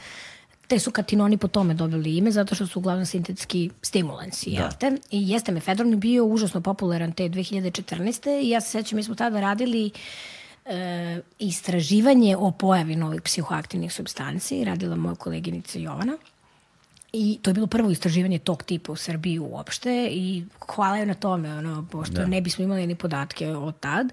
I, ovaj, i sećam se da su injektirajući korisnici opijata nekako dolazili do mefedrona i to su zvali kris i kombinacija te dve stvari im je bila fantastična. Ono što je bio najveći problem jeste što su recimo ako su opijate injektirali tri ili četiri puta dnevno, sintetske uh, mjau mjau u Da. kombinaciji su injektirali do 16 puta više. Ono što, ono što ljudi ne razume jeste, dakle, a, ta droga bi trebalo da oponaša efekte MDMA-a. Da, ali je tolerancija vrlo problematična I zato što vezuje se- vrlo jako opada. i vezuje se za pijatske receptore. Jeste. To je ono... Vrlo, vrlo problematična substanca, ali je nema. Ja, trenutno ja sam ove godine radila istraživanje o novim psihoaktivnim substancama i ispitanici na mom istraživanju, e, istraživanje je rađeno na teritoriji Srbije i rađeno je kao semi kvalitativno istraživanje, odnosno analizirana je zakonska regulativa, dostupni podaci koje država Srbija, nevladine organizacije, e, VMA, nacionalni centri i Ministarstvo zdravlja ima, znači sve apsolutno dostupne informacije koje o novim psihoaktivnim substancama imamo i rađeni su dubi, poludubinski intervju i polustrukturirani da. intervjui sa uh, različitim tipovima korisnika od kojih su neki psihonauti, neki su e, rekreativni korisnici, neki su u problemu sa e, opijatima, pa su kroz tu, tu problematiku možda dolazili do novih psihoaktivnih substanci i uglavnom su svi mladi. Mm -hmm. Nije bilo uopšte starih korisnika i kroz intervju se zapravo e, mefedron nije prijavljivao sem u kontekstu muškaraca koji imaju seks s muškarcima, pa e, većom popularnošću recimo chemsex žurki, gde se mefedron pojav, pojavljuje u kontekstu da su ih sret, da su sretali mefedron samo na takvim žurkama preko. Aha, da ga da, u Srbiji da. uopšte nema. I da ako ga ima u poslednje vreme, da ga ima samo da ga da ga ima u kontekstu toga da ga je neko od preko done ovde, da. ali kod nas u Srbiji ga nema. E sad, u kontekstu novih i takozvanih dizajnerskih drogi, šta je još aktualno? Pa, mislim, ono što je prijavljeno, sintetski kanabinoidi se prijavljuju. Sad njih ima različitih i zapravo je stvarno najveći broj svih da. na, u, u globalu, najveći broj da, sintetskih da, kanabinoida. Čuo sam za nešto se zove Calvin Klein. Calvin Klein korišćenje ketamina i kokaina Aha, u kombinaciji. Aha, Calvin Klein, ok. Ketamin, kokain u kombinaciji, to se zove Kevin Klein, nisam čula. Znam da, da Candy Flip, MDMA i LSD. A, u, je da, Candy da, Flip, da, da, da, da, da. To ima raznih sada, ali mislim, neki, mislim, sve zavisi. Mi, uh, I koristi se ovaj 2CB isto. Da e, 2CB je počeo, bilo ga je, ali isto tako su ljudi prijavljivali taj 2CB samo na festivalima preko, uh mhm. -huh. da su ga nalazili kod nas Ja, niko od mojih ispitanika nije rekao, ali podaci koje smo dobili od Kancelarije za borbu protiv droga vlade Republike Srbije, koji su oni zapravo tražili od MUPA, jeste da je bilo mnogo velikih zaplena tu CB-a kod nas.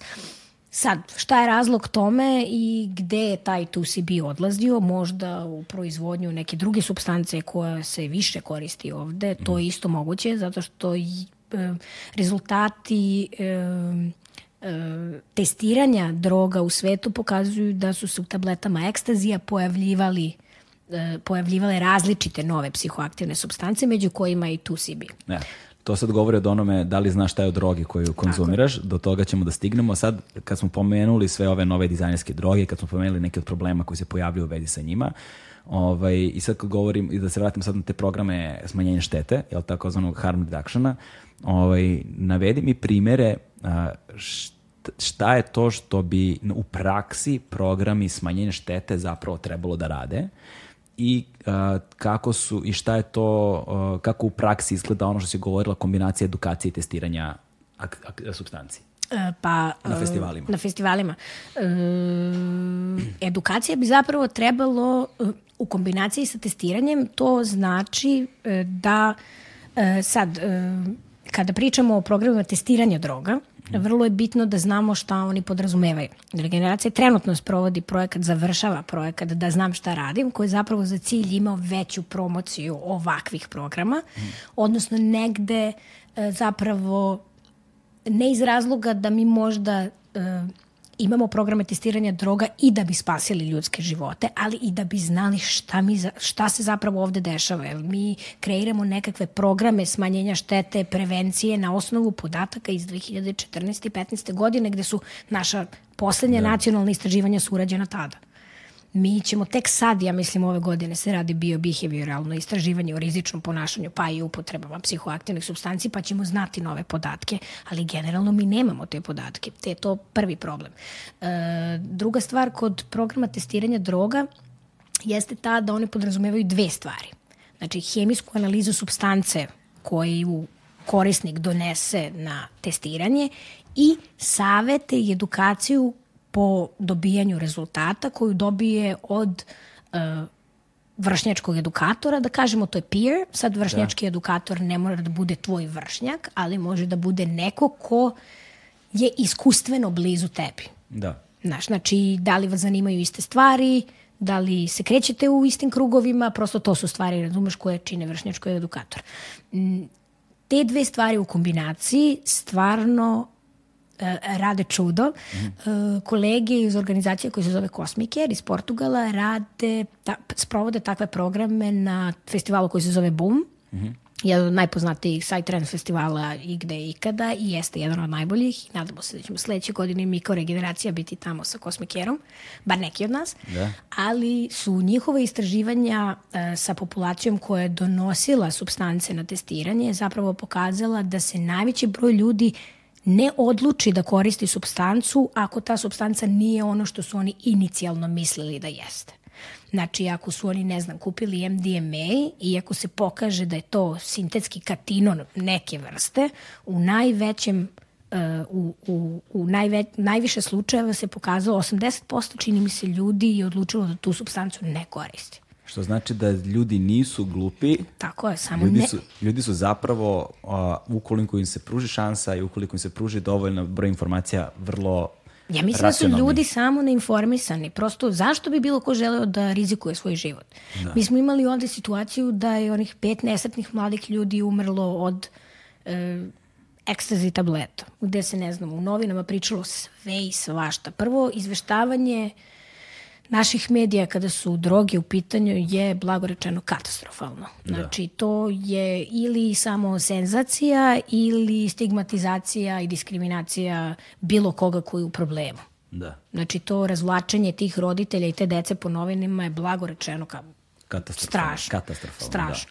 Da. Ali ovaj... A pritom da ne govorimo o unošenje panike, straha. Tako je. Jer ja znam roditelje tinejdžera koji su čitali te vesti. Ja, i... Nama su pisali roditelji zgranuti, da. moleći nas da im objasnimo šta se desilo. Znaš, kao pojeo osam tableta. Ko je bre pojeo osam tableta? Mislim, da, da, da. prosto je neverovatno da je neko sa 18 godina pojeo osam tableta, ali je možda pojeo četiri. Da, Iako da. su te tablete imale veliki nivo MDMA, odnosno visoku dozu MDMA kao aktivne substance u sebi, vrlo je moguće da od posljedica toplotnog udara koji nastaje dečko da. prosto izgubi život, što je vrlo verovatno ono što se desilo, da. ali prosto da je ta tableta bila testirana negde, pa da se znalo da je to velika doza MDMA i da mu je neko onda rekao je koristi pola ili jednu i nemoj da ti palo na pamet da uzmeš pet, da.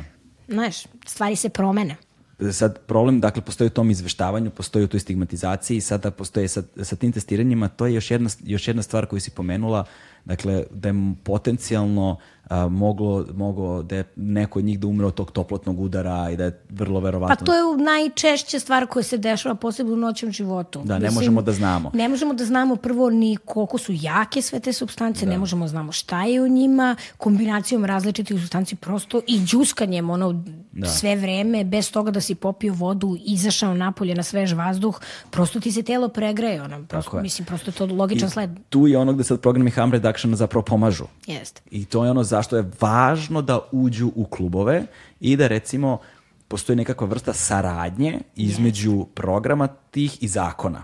Tako je. Zato što mislim, bolje da ti sad to kažeš. Kako, kako bi klub, recimo, trebalo da izgleda kada bi se ti programi implementirali? Što je to što bi klub jedan ili festival morao da sadrži da se takve stvari ne bi dešavale? E, mislim, A što se vrlo često ne dešava? E, pa, clubbing scena u Srbiji, mislim, ono u što se clubbing scena u Srbiji pretvorila jeste vrlo, jeste to da je uglavnom profit ono što je najbitnije, a ne briga o ljudima koji u taj klub dolaze. Da. E, najbitnija stvar jeste provetren prostor i dostupna pijeća voda. Znači, to su dve stvari koji su prosto osnovno ljudsko pravo. Ako ništa drugo, jeste da opereš ruke posle WC-a. Da, da, da. Znači, svi znamo da u Srbiji postoje mesta na kojima je nemoguće da se to desi. Da. A to je, vr, mislim, ako ne, ni, mislim, pra, iz higijenskih razloga nije okej. Okay. Da, da, da. Ako pričamo, znaš, kao bottom line je stvarno, ono, pre i posle pereš ruke, valjda. Mislim, da. Tako da je to jedna od najproblematičnijih stvari, ubediti zapravo organizatore da, znaš, kao razmisle o tome da, znaš, kao nije lepo da vidiš klince koji pijani ili već šta sede na onom prljavom betonu u onom, znaš, kao usranom klubu da izvinete. Ono. Znači, stvarno nije okej. Ono. Ima klubova i ima mesta gde stvarno možda opereš ruke, čekate babasera, sve, znaš, ventilacija radi, prosto, ali da li ste čuli da se, ta, da se tamo nekome desilo, razumeš, nešto što je bilo opasno po njegov život? I Tako don't da, think so. a, prodavanje prevelikog broja karata, Da, da, to. stvaranje ogromni gužvi, a, nepostojanje dovoljnog, izvo, dovoljni, dovoljnog broja izvora vode, Mokri čvor, ako ništa, da najmanje. to. Znači, a, Uvek bi bilo dobro da, znaš kao, negde u nekom klubu pos- postoje jedna ili dve osobe koje zna kako da reaguje u slučaju da nekome nije dobro. Taj neko isto tako može ono na stolu pored sebe da ima sijaset nekakvih informativnih materijala, ne samo o tome e, ne samo o tome šta može da mu se desi ako kombinuje različite substance ili ako hoće da, uzme jednu, drugu ili petu substancu, nego i o tome da ne treba da sedne u auto ako je popio ne znam koliko alkohola i koliko vremenski mora da odsedi u nekom chill prostoru da bi prosto bio normalan da može da krene kući. Mislim, je, znaš, ostalog. to nisu stvari, to nisu samo stvari usko vezane za drogu. Programi smanjenja štete te nekako edukuju o tome da brineš o svom zdravlju i zdra- zdravlju drugih ljudi oko sebe. Prosto nekako neke stvari koje se podrazumevaju da mi kao znamo, tipa nemoj da sediš pijan za volan, mislim, to se samo podrazumeva da mi znamo ljudima, posebno mladim ljudima, niko ne skrene pažnju u tim situacijama kada je možda najpotrebnije da im se skrene pažnja da ne sednu, nego da... i posebno u stanju, i posebno u situacijama suženog stanja svesti, O, naravno. Znači ti moraš da imaš nekakvu vrstu uh, ono mantre u svakodnevnom životu takve da u, stanj, u suženom stanju svesti to dopre do tebe. To, to, to. Da ti zapravo ne padne na pamet, iako si pijan. Tako je, mi u regeneraciji kada smo radili festivale, a idemo na festivale da prosto radimo nekakve radionice, edukacije ili već, ili radimo nešto što se zove trip sitting i psycare, odnosno brinemo ljudima koji imaju teška e, stanja pod dejstvom različitih pri- psihoaktivnih substanci. Mislim, u najvećim, najvećim, najviše slučajeva njima samo potrebno mesto da se iskuliraju. Znači, daleko od glasne muzike, na otvorenom vazduhu, da ih neko sasluša, da ih neko smiri, to je to. Mislim, to je uglavnom samo to. Ovaj, E, stvarno nismo imali tokom našeg rada, imali smo samo jedan slučaj ono, koji je bio onako problematičan, ali i to se rešilo i u saradnji s policijom i to je dobro prošlo na kraju. Ali prosto u većini slučajeva smo čak edukovali policiju šta je zapravo to što mi radimo i nisu svi bili nisu svi negodovali, bilo je mnogo, i uglavnom kad smo išli van Beograda da radimo bilo šta tog tipa, ljudi su uglavnom, čak i policajci, bili prilično razumljivi za temu, kao da, kao pa i nama treba ova edukacija u krajnjoj liniji. Ovaj, e, te se baš radi o, o konstantnom ponavljanju Da. tih nekih informacija koje, znaš, kao ljudi na festivalu već malo raspoloženiji nego ovaj, kao kad su došli, stanu uh, pored te neke velike mape koje zapravo objašnjava ono šta se dešava i koji su rizici mešanja različitih substanci i onda mi damo neke kvizove da rade šta oni zapravo misle pa da uporede to sa onim što zapravo jeste. Da. Ljudi su se zabavljali, mislim, zabavljali, ali i učili kroz tu zabavu, bili edukovani o tome šta je sutra rizik koji će oni možda izbeći. Da, da, da. I sada, i to je ono, dakle, ukoliko bi a, se ti principi a, smanjenja štete primjenjivali recimo kroz zakon, onda jedan klub, na primjer, ne bi mogao da dobije upotrebnu dozvolu. Dakle, kao što ne može da dobije upotrebnu dozvolu... U Sloveniji se 2012. 13. godine su dve devojke overile od e, ekstazija, pretpostavlja se da je visoka doza MDMA, to jest aktivne substancije bila u tom ekstaziju. Nevladine organizacije su onda skočile i bile su u fazonu, slušajte ovako, znači ovo ovako više ne može, mi imamo rešenje. Znači doneo se zakon da klub koji prima toliko i toliko ljudi mora da ima toliko i toliko osoba koje su trenirane da pruže e, servis smanjenja štete u, dok traje taj festival ili ta žurka. I to je to. Da. Ne, znaš, kao prosto je potpuno normalno u njihovom tom nekom sistemu da kao postoji neko ko je treniran da prosto, znaš, kao uradi prevenciju na licu mesta, ono, da se takve stvari ne I da prepoznao su na kraju Tako je. krajeva rizično Tako je. ponašanje. Tako je, da prepozna kad treba zove hitnu pomoć. i Ono, pre, znaš, kao prosto neke stvari, ono, kad neko treba da izađe napolje, ono, na svež vazduh, Da, kao... Da. S druge strane, Udahne. isto tako, znaš, ukoliko, ne znam, nemaš protivpožarni aparat, nemaš Tako je. upotrebnu dozvolu, nemaš, ne znam, uh, i, protivpožarni izlaz, nemaš upotrebnu dozvolu. Tako je. Brate, zašto onda bi dobio upotrebnu dozvolu ako nemaš dovoljno izvora pijeće vode i ako kod tebe ne mogu se operu Upravo ruke? to. Upravo to. Mislim, zašto je pranje ruku? Mislim, to je najbanalniji primjer je Da, ta da, voda. da. Znaš, kao, ili provetren prostor. Ne, nije ok. Znaš, kao, koliko god mi voleli ono totalni underground i kao da kaplju plafoni. Ne, nije ok da kaplje plafon. Da. Stvarno. Zato što je to potencijalno opasno po nečiji život. Tako je. I sada, e sad na festivalima takođe, e, između ostalog, kad si, kad si rekla da postoji ta sprega, recimo kao na Boom festivalu, jel te, u Portugalu, da čovek dođe prosto s namerom da se drogira, ti ne možeš nekome da kažeš, e, nemoj, zabrnjeno ti je, stani, kao naš, možeš, ali videli smo kakve rezultate takvi programi imaju, odnosno nemaju rezultate nikakve, nikakve. Ovaj, a, hajde, Pa mislim, rezultat je jedino da negde te ljude ono koje skrajneš, prosto ne možeš da ričuješ više. Znači ti automatski ne možeš da uti... Mislim, ne možeš da dođeš do njih više. znaš. ne možeš ni da ih pozitivno edukuješ. Da, ne možeš ništa, samo si im rekao da su oni za tebe ono, To to, otpad i ćao, znaš. I na kraju krajeva ako ih uhvate, onda ih uhapse, onda ih procesuiraju, prođu kroz ceo taj sistem, onda im naprave dodatne probleme u životu, a da se niko nije bavio njihovim možda osnovnim problemima koje eventualno, eventualno imaju. Ove, I taj, na, na taj način ne proizvodiš nikakve korisne a, članove zajednice, ni na Tako koji je. način, niti pomažeš njima, niti zajednici u kojoj živimo. E sada, um, e, kažeš, dakle, postoje ti programi da kojima se recimo testira, te, testiraju substance. Znači, neko lupetno za kupi, dođe negde i sad ima program gde on može, on, ona, oni mogu a, a, sigurno, dakle, diskretno i, i ono, da, Potpuno anonimno. Potpuno anonimno da testiraju kao je, kupio sam ovu drogu, da vidim da li je to ta droga koju sam ja kupio i ako jeste, u kojoj meri je ona čista, nije čista, šta god da je. Ovaj, kod nas, a, ukoliko bi došlo do takve razmene, ti bi automatski bilo u krivičnom delu, je li tako? E, to bi bilo omogućavanje, op- mislim, u krivičnom delu. Mi smo sad u okviru da znam šta radim projekta, negde malo više analizirali zakon i analizirali e, nešto što se zove uputstvo za e, uspostavljanje sistema za rano upozoravanje u Republici Srbiji. Uputstvo za us- sistem ranog upozoravanja na nove psihoaktivne substance u Srbiji je, čini mi se, deo poglavlja 23 u okviru evropskih integracija koje je Srbija prosto morala da uspostavi. Da. Znači, s obzirom na to da se pojavljuje preko 100 novih psihoaktivnih substanci, a mi treba da harmonizujemo naše prikupljanje podataka i brigu, jel te, u skladu sa evropskom, mi imamo nešto što se zove sistem za rano upozoravanje na nove psihoaktivne substance i članovi tog sistema su sva ministarstva, pa onda nevladine organizacije, policija, carina, sad različ, velika je, ogromna je struktura i negde je prepoznato da svi treba da budu deo te strukture.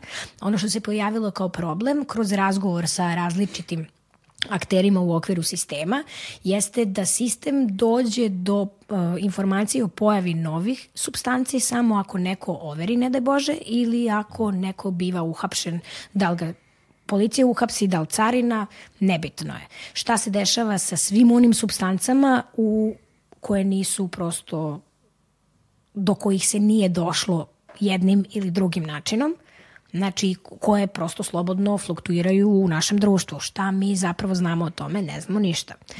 Ono što je negde e, preporučeno, mi ćemo sledeće nedelje imati tu jednu promociju zapravo tih smjernica, e, koje smo izradili tokom projekta zajedno sa Kancelarijom za borbu protiv droga Vlade Republike Srbije koje je zapravo stvarno najrazumljivije telo u ovoj zemlji koje razume sve ove probleme, iako jasno zna da zakon nije nešto što nama sad omogućava da ovo radimo, ali ovaj, negde smo probali da dođemo do načina kako da uspostavimo zapravo programe testiranja droga i šta bi to zapravo nama bilo potrebno da se uradi, da ovaj to bude dostupno. E, zakon o psihoaktivnim kontrolisanim substancama kaže da oni koji dobiju dozvolu u istraživačke svrhe mogu da barataju psihoaktivnim kontrolisanim substancama. Mi smo negde prepoznali austrijski način kao nešto što bi možda moglo da funkcioniše ovde, a to je da e, organizacije civilnog društva u saradnji sa e, e, institucijama koje imaju referentne laboratorije za testiranje substanci, dolaze do uzoraka, sad to više, mislim, prestanak postojanja psihoaktivne substance, odnosno ta razmena mm -hmm. je kad psihoaktivna kontrolisana substanca dođe u posed nekoga ko ima dozvolu da to drži, to postaje uzorak. Mm -hmm. Znači, postoje različiti sistemi u svetu i sad oni variraju od toga da ti neko da deo substance i to ti nikome ne vraćaš substancu. Slušala sam tvoj Milošev razgovor da je bilo to nešto u pitanju, neko vraćanje nekih substanci. Da, fora je u tome... To jeste problematično. Da. To je svuda problematično. Ali ako tebi neko da mrvicu svoje substance i to ti ne da u ruku, nego stavi na crni papir da. i ti sa crnog papira to istreseš u ovakvu provetu, kao što u Austriji rade, oni sprovode programe testiranja droga zbog, mislim, na konto istraživanja, jer je njima bitno da njihovi servisi odgovaraju potrebama zajednice. Da. Znači, to je ono što je bitno. I vrlo često, mislim, i to funkcioniše već preko 20 godina, tako. Znaš, nije to program koji se stvorio juče. Da. Ljudi testiraju droge u Evropi na državnom nivou mnogo pre nego što smo mi uopšte pričali o novim psihoaktivnim substancama, kako bih ti rekla. Znaš, kao, da. to je neka praksa koja se dešava. Samo je sad problem da se na nacionalnom nivou prosto nađe rešenje kako bi to bilo moguće da. u različitim sistemima, je to na različite načine moguće. I sad, taj uzorak kad postane uzorak, ti nikome ne vraćaš substancu. Ono što je taj neko dužan, dužan je da dođe po svoj rezultat, koji je potpuno takođe anoniman i uz taj rezultat on dobije sijaset saveta kako da ostane bezbedan, šta da radi, s čime da ne meša, da li uopšte da, znaš, ulazi, da li, znaš, kao da li ta substanca opasna po život, može bude bilo šta. Da, da. Znaš, priča se zapravo i o tome kakve su navike tog korisnika, da li je to problematično ili nije problematično, znaš, mislim, ulazi se ti kad pričaš s nekim na tom nekom psihosocijalnom savetovanju ti ne pričaš samo o tome šta je ta substanca, ti pričaš o mnogo više faktora koji zapravo utiču na tu samu konzumaciju. Te iz te perspektive ono ti servisi jesu super bitni, ono, samo što je pitanje ono, kad ćemo mi i da li ikad dobiti mogućnost da to radimo, na nama je da prosto negde probamo da nađemo način i ja stvarno moram da kažem da tokom ovog, istraž... da tokom ovog projekta mi smo super sarađivali sa Ministarstvom zdravlja i sa Kancelarijom za boru protiv droga i sa uh, divnim ženama koje rade u referentnim laboratorijuma i MUPA, i BIE, i VMA, i sudske medicine, koje potpuno razumeju da, znaš, kao, nemamo informacija kojima možemo, znaš, ne baratamo dovoljnim, dovolj, dov, ne baratamo brojem informacija na osnovu kojih možemo da kreiramo programe za mlade ljude. Jer stvarno ne znamo šta se dešava. Mi možemo da, da. pretpostavljamo šta se dešava i kad ih pitamo koje su to substance koje oni rade, oni pred, bukvalno samo pretpostavljaju da je to to. E sada, kad smo već kod toga, sad je došli taj deo da pomenjem, pomenemo ovaj, da li znamo šta se nalazi u drogama koje konzumiramo. Upravo. Ovaj, to je ogroman problem mm. ovde uh, i odakle da počnemo o njemu. Pa ne znam.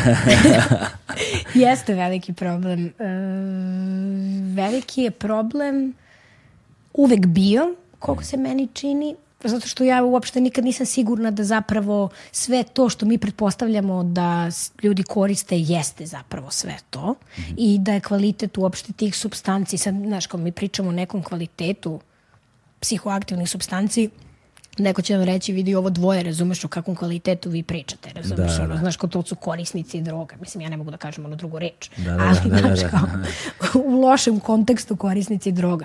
Znači, mislim da mi apsolutno nikada nismo čak ni imali sveste ideju o tome koliko je nešto kvalitetno, potentno, to jest jako da. i šta je zapravo sve što jednu substancu čini psihoaktivnom kontrolisanom substancom. Je. Meni je najfascinantnije, ja trenutno, ovaj, pošto držim treninge u regionu u različitim organizacijama civilnog društva, pa ih onda edukujem o psihoaktivnim kontrolisanim substancama, mm. zakonima, rizicima, različitim stvarima. E, deo mog kurikuluma je onaj film koji su zajedno radili da. Vikend ratnici. Da, da. I kad se vidi sad cela ona laboratorija onog svega sa onim čovekom i sad da. ti, to je gomila nekih tako Da. čega, bure i onih flaša i sad tebi on govori ovo je čist adrenalin, otkud ti znaš da je to čista, otkud on zna da je to čista adrenalin, da. kapiraš, znaš kao, ni, čak ni sve te substance od kojih se možda proizvode substance kod nas, Boga pitaj da li je to to. Da. Mislim, jedino možemo da znamo ako te substance bivaju testirane. Ono što negde mene najviše brine u celom sad tom, u celoj toj zavrzlami jeste to da kad tebe neko uhapsi, mm -hmm da li ti dobi, i sad kaže praškasta materija, ta i ta, ali nalik na spet recimo. Da. Da li oni to testiraju pa znaju da je tu, ne znam, toliko i toliko amfetamina i šta je sve ono ostalo? I da li uopšte ljudi na osnovu toga donose informisane odluke da li će da potpišu oportunitet, da li će da ne znam šta. Mislim, ja prva nisam tela da potpišem ništa dok nisam dobila celu forenziku svega da što su oni meni našli. Mislim, ja sam se samo uhapsila da napišem shadow report za Ujedinjene nacije. Sad, da. to je potpuno druga da. priča, ali je meni bilo bitno da znam kako taj proces izgleda. Da, da. Jer mi je prosto bilo bitno da ne mogu da savetujem nikoga, niti da razmišljam uopšte o tome kako ovaj sistem funkcioniše. Ako, mislim, ja sam prosto antropolog, pa da. iskustveno učim stvari. Da, to pa nismo se, rekli, ti si diplomirani antropolog. Ja. pa iskustveno učim stvari, pa je to prosto bilo tako. Mene jesu uhapsili i dobar dan, dobar dan. Šta će sada da se desi? Da. E, to sada, bilo tako. Ja, u razgovoru sa Milošem smo pominjali o tome što to je negde ono, opšte poznata stvar, jedna od redkih poznatih stvari u svemu tome, a to je na primjer da ono, posljednjih 20 godina u Srbiji uh, u jednom gramu heroina postoji između 1,5 i 2 procenta heroina. Znaš kao, znači imaš 1,5 heroina u heroinu šta je 98,5 procenata, šta je drugo. Bukvalno o tome što ne znamo šta je.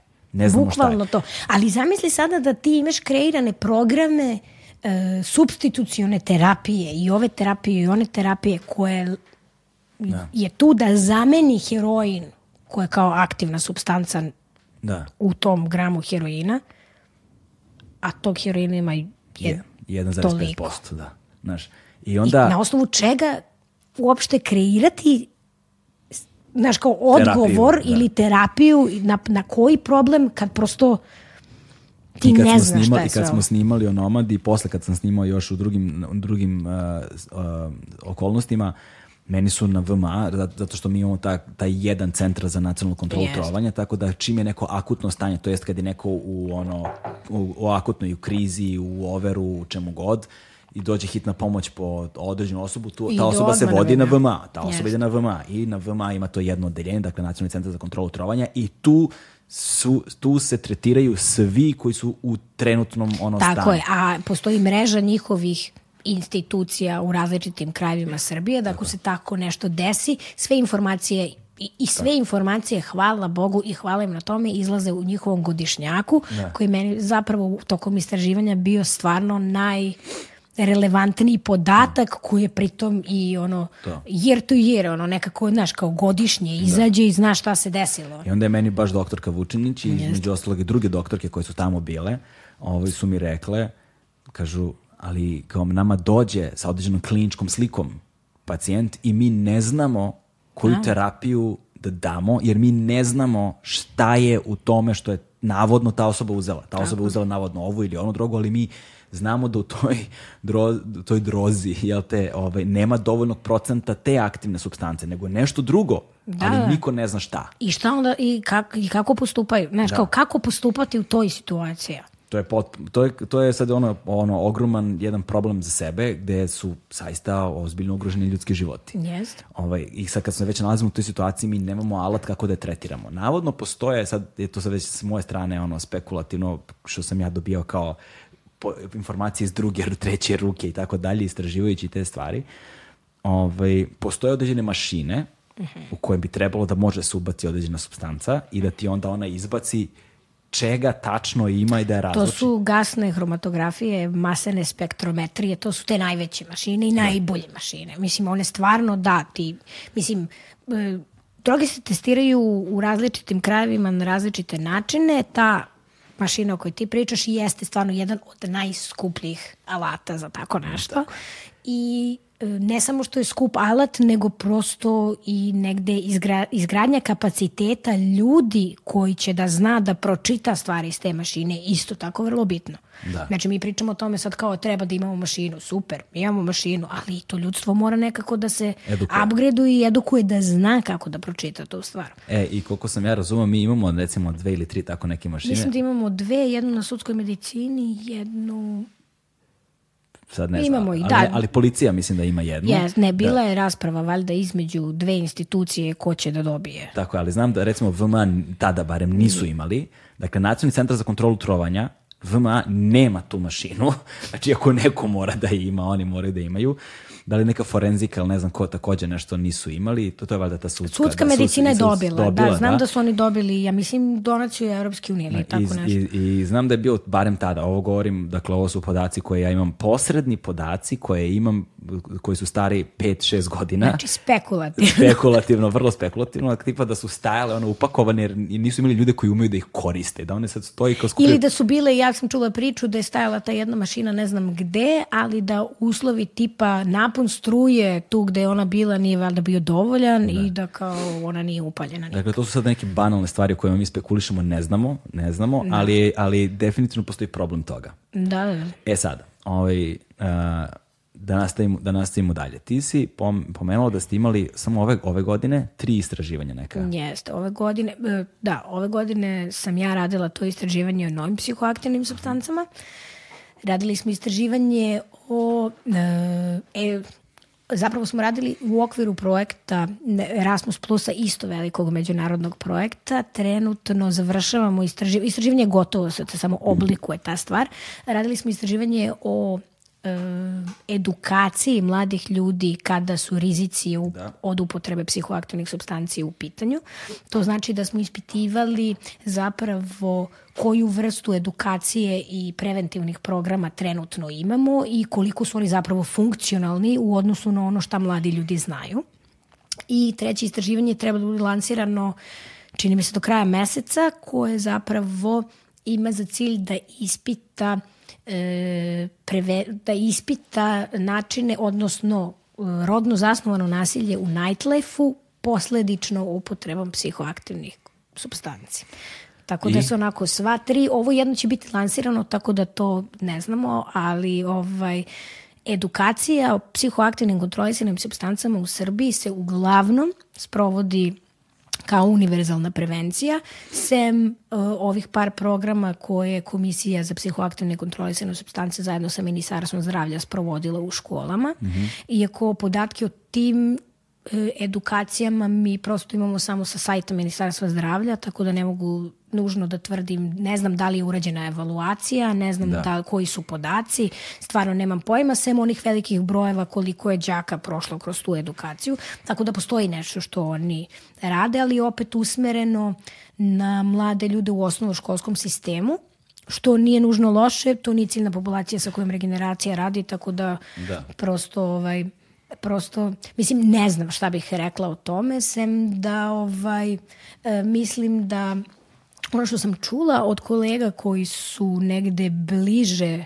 servisima prema osnovnoškolcima jeste da taj program je nastao kao rezultat smrtnih ishoda koje smo imali 2008. i da se tu priča i o novim psihoaktivnim substancama što je onako prilično diskutabilno ti pričaš osnovnoškolcima o substancama do kojih oni ne mogu da dođu, jer niko od njih ne zna da koristi darknet, mislim, da. ne zna. Vrlo je teško da će do toga doći i da će to biti na ulici, zato što prosto nove droge, ma koliko mi pričali o njima i ma koliko mi znali svašta nešto šta se dešava, najređe Da. ćeš tako nešto kupiti u dilera. Prosto, mislim, to je možda moguće ukoliko ni taj čovek ne zna šta prodaje, pa je sad to vrlo diskutabilno takođe, ali mislim da se to u najmanjem procentu dešava tako. I sad učiti nekog u osnovnoj školi o novim drogama je opet Da. potpuno absurdno. Mislim, iz moje perspektive, ali to je samo moje lično mišljenje, uopšte ne mora nužno da bude tako. Uh, istraživanje, to je istraživanje o edukaciji o drogama je bilo super zanimljivo zato što smo prvo ispitivali mlade ljude o, online metodom. Ispitivali smo organizacije civilnog društva koje rade sa mladima ili su organizacije mladih I uh, ono što su onako glavne neke tačke tog istraživanja jeste da svi oni koji su u nekom osnovnoškolskom formalno edukativnom sistemu imali iskustvo sa programima prevencije, kažu da su ti programi uglavnom bili uh, osuđujući, da su prosto, da je način razgovora bio osuđujuć, preteći, neprijatan, niko nije prijavio dobro iskustvo iz nekog ono mm -hmm. formalno edukativnog sistema ako su i imali programe i da su svi oni koji su zapravo i izra, koji imaju želju da prosto saznaju više, to saznavali ili od svojih vršnjaka, mm -hmm. to jest u razgovoru sa vršnjacima ili preko interneta. Da, da, stvari koje saznaš preko interneta. E sad, o, super, je, super je što je većina njih navela odakle su saznavali preko interneta, te ne, ne, ne čitaju i ne slušaju sve. Aha. Čitali su, recimo, više njih je reklo da je e, gledalo onaj Drug Classroom, mislim da je bio o, holandska ona emisija koju je zapravo finansirala vlada Holandije da edukuje mlade ljude o tome šta im se može desiti. Mm -hmm. Ovaj, I tako neke emisije koje su onako, mislim, iz moje perspektive prilično informativne, ja da, mislim da, prosto da. negde način na koji stvarno saznaš šta će ti se desiti. Da, i opet nas iznenade mladi koliko nisu glupi, a? Mm -hmm. da, koliko, Znaš, tako da... koliko i, zapravo znaju i to, da prepoznaju. I to je ono što, što uvek kažu da, da, da bi najviše voleli da uh, uče od svojih vršnjaka ili pirova mm -hmm. i da bi voleli da uče od ljudi koji imaju iskustva sa substancama kao takvim.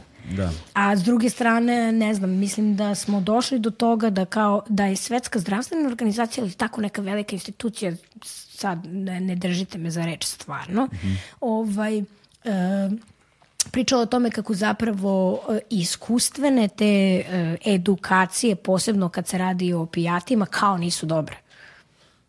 Sad, koliko je to istine na osnovu kojih podataka i koja je evaluacija tu rađena, to je bitno. Ono što je zapravo super, što bi bilo super kod nas jeste da se svi negde programi koji se sprovode zapravo evaluiraju. Da. Ja ne znam koliko se to uopšte u državnom aparatu radi, i uopšte, znaš, na osnovu toga znaš koliko je nešto bilo uspešno ili ne. Da, znaš, da. kao kako mi skupljamo sve podatke, kako mi tvrdimo da je nešto dobro. Zato što je veliki broj nastavnika i učenika prošao kroz program ili zato što je veliki broj nastavnika i učenika kroz taj program nešto naučio. Da. Sad. I, I sad na kraju treba opet da se proceni da li su ti programi koji su sprovedeni i svi ti ljudi koji su kroz njega prošli, ma koliko god da ih je, je bilo, da li su rezultati tih programa dobri ili nisu. Tako je. Jer možemo mi da sprovodimo programe kakav god hoćeš, ali Upravo mi moramo to. da procenimo da li su ti programi doneli nešto korisno ili nešto štetno. Znaš, da li, da li, da li to odgovara, uopšte. da li to odgovara uopšte, znaš, ono, samim... Kulturi i podneblju. Tako je.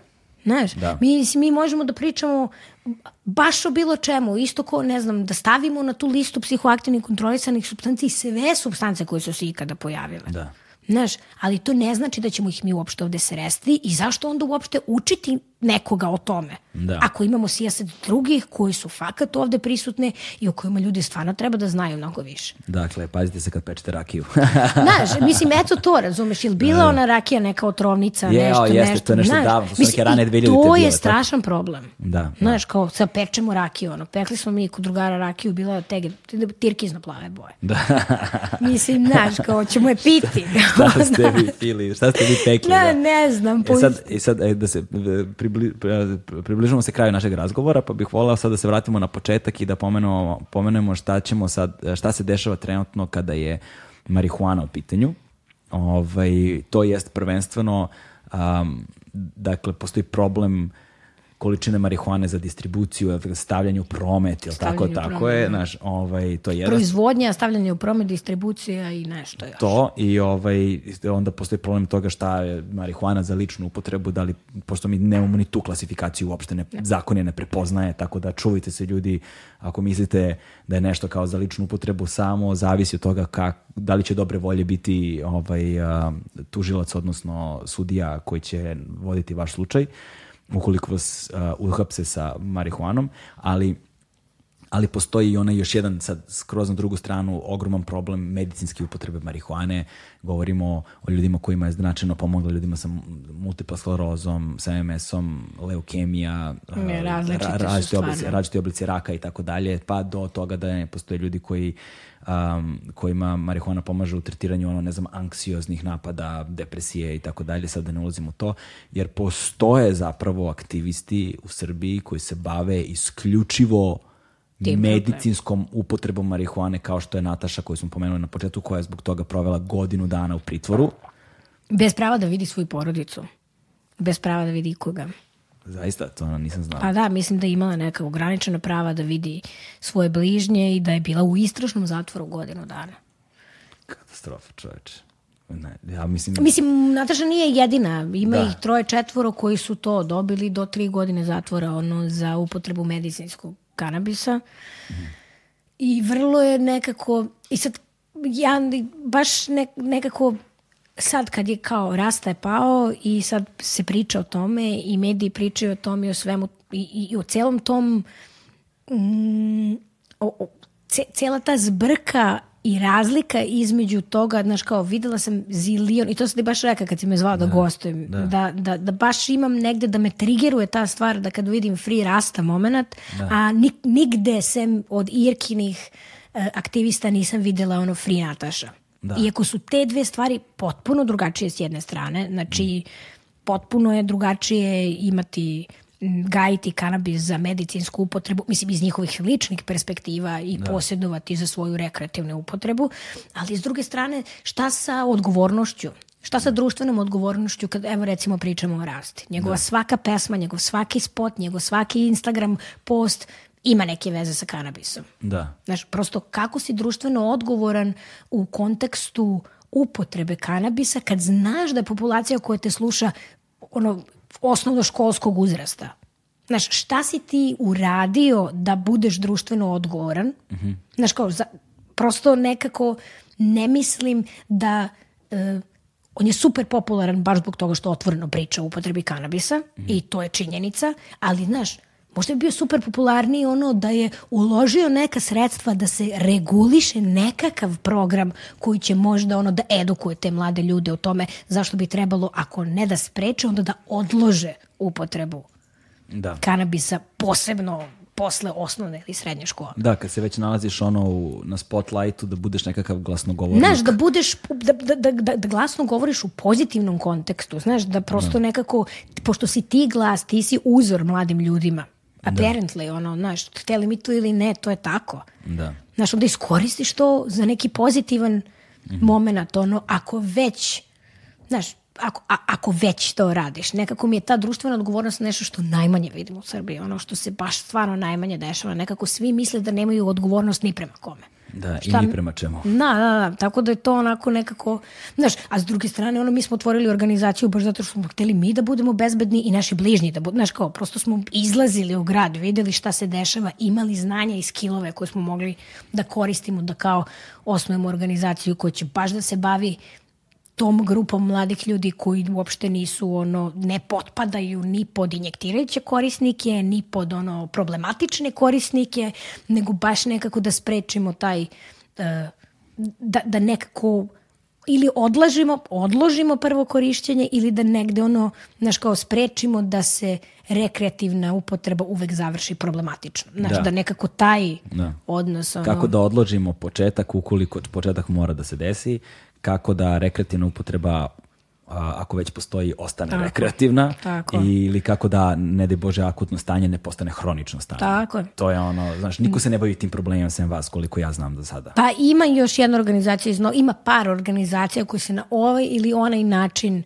e, dotiču ove teme, ali se ne bavi isključivo ovom temom, a mi smo nekako birali da se bavimo samo time. I ne znam, u posljednje vreme nam je mnogo bitno bilo da radimo istraživanja, zato što smo kroz ceo onaj život naše organizacije skapirali da nema podataka.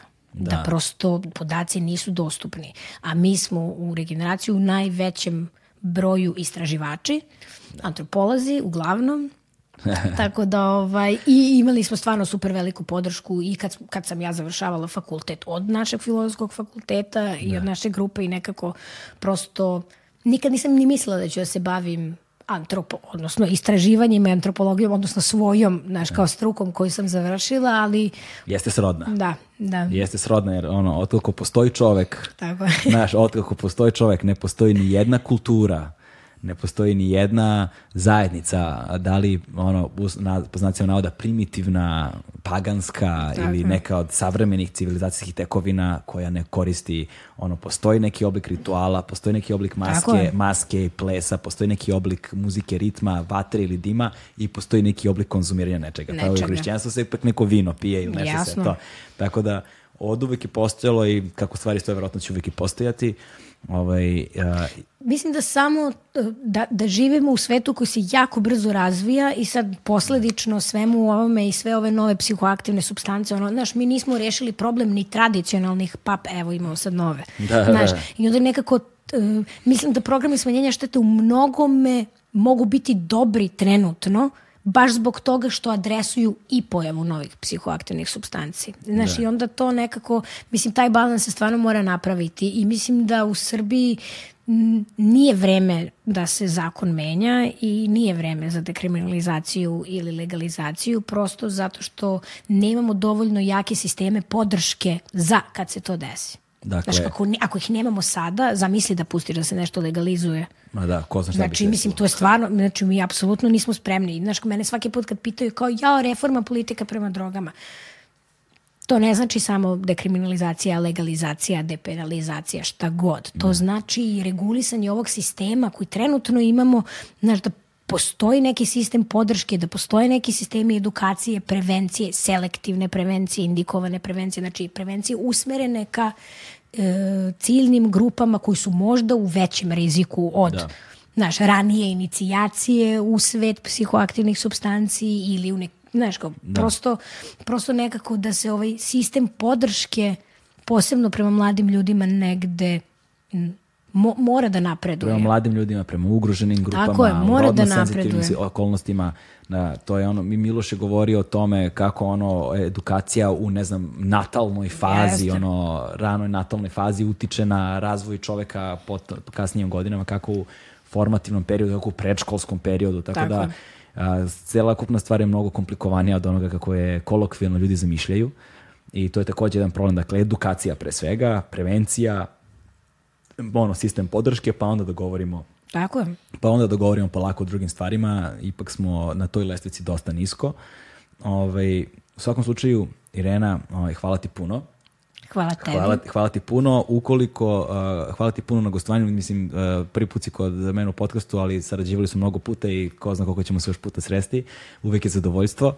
A za sve one koje zanima nešto više može da saznaju o vama, koji možda imaju neka druga pitanja, ja ću ostaviti podatke o vašoj organizaciji u linkovima za audio i u opisu videa na YouTube-u, tako da možete da kontaktirate regenera- regeneraciju i da saznate više ukoliko vas zanima. Bilo bi super ukoliko online posjedujete ne, rezultate nekih istraživanja, da možemo da ostavimo linkove za ta E, istraživanja. rezultati istraživanja imamo na sajtu E. e, svih dosadašnjih, znači tamo su klubing i zdravlje mladih, tamo je ispitivanje javnog mnjenja o medicinskoj upotrebi kanabisa, to Mhm. nismo spomenuli, 98% ljudi je rekao da bi to bilo ok. Ovaj, e, još dva istraživanja su tamo, tek ćemo da objavimo sad ovogodišnje stvari, one su u pripremi, ali sve je uglavnom na sajtu i sajt je vrlo e, friendly i ovaj, Super. da, slobodno Eto, da. Tako da puno znamo o tome šta se dešava u ovakvim stvarima zahvaljujući popularnoj kulturi koja dolazi sa zapada. Naš, znamo puno vi- više o tome šta se dešava u Holandiji, u Sjednjim američkim državama ili u Portugalu nego što znamo šta se dešava u zemlji u kojoj živimo. Tako da ukoliko vas zanimaju podaci o rezultatima na, za ovakve osetljive teme u Srbiji, sajt Regeneracije je pravo mesto za vas. Ostavit ćemo linkove da možete da se informišete ukoliko vas to zanima. Tebi hvala puno još jednom. I to je to, stigli smo do samog kraja. Hvala puno vama koji ste nas slušali, to je gledali. A, možete podržiti naš kanal, kao što uvek kažemo, jednokratnim donacijama preko Paypala, mesečnim pretplatama preko Patreona i to bi bilo to. Hvala ti puno, završili smo kraj.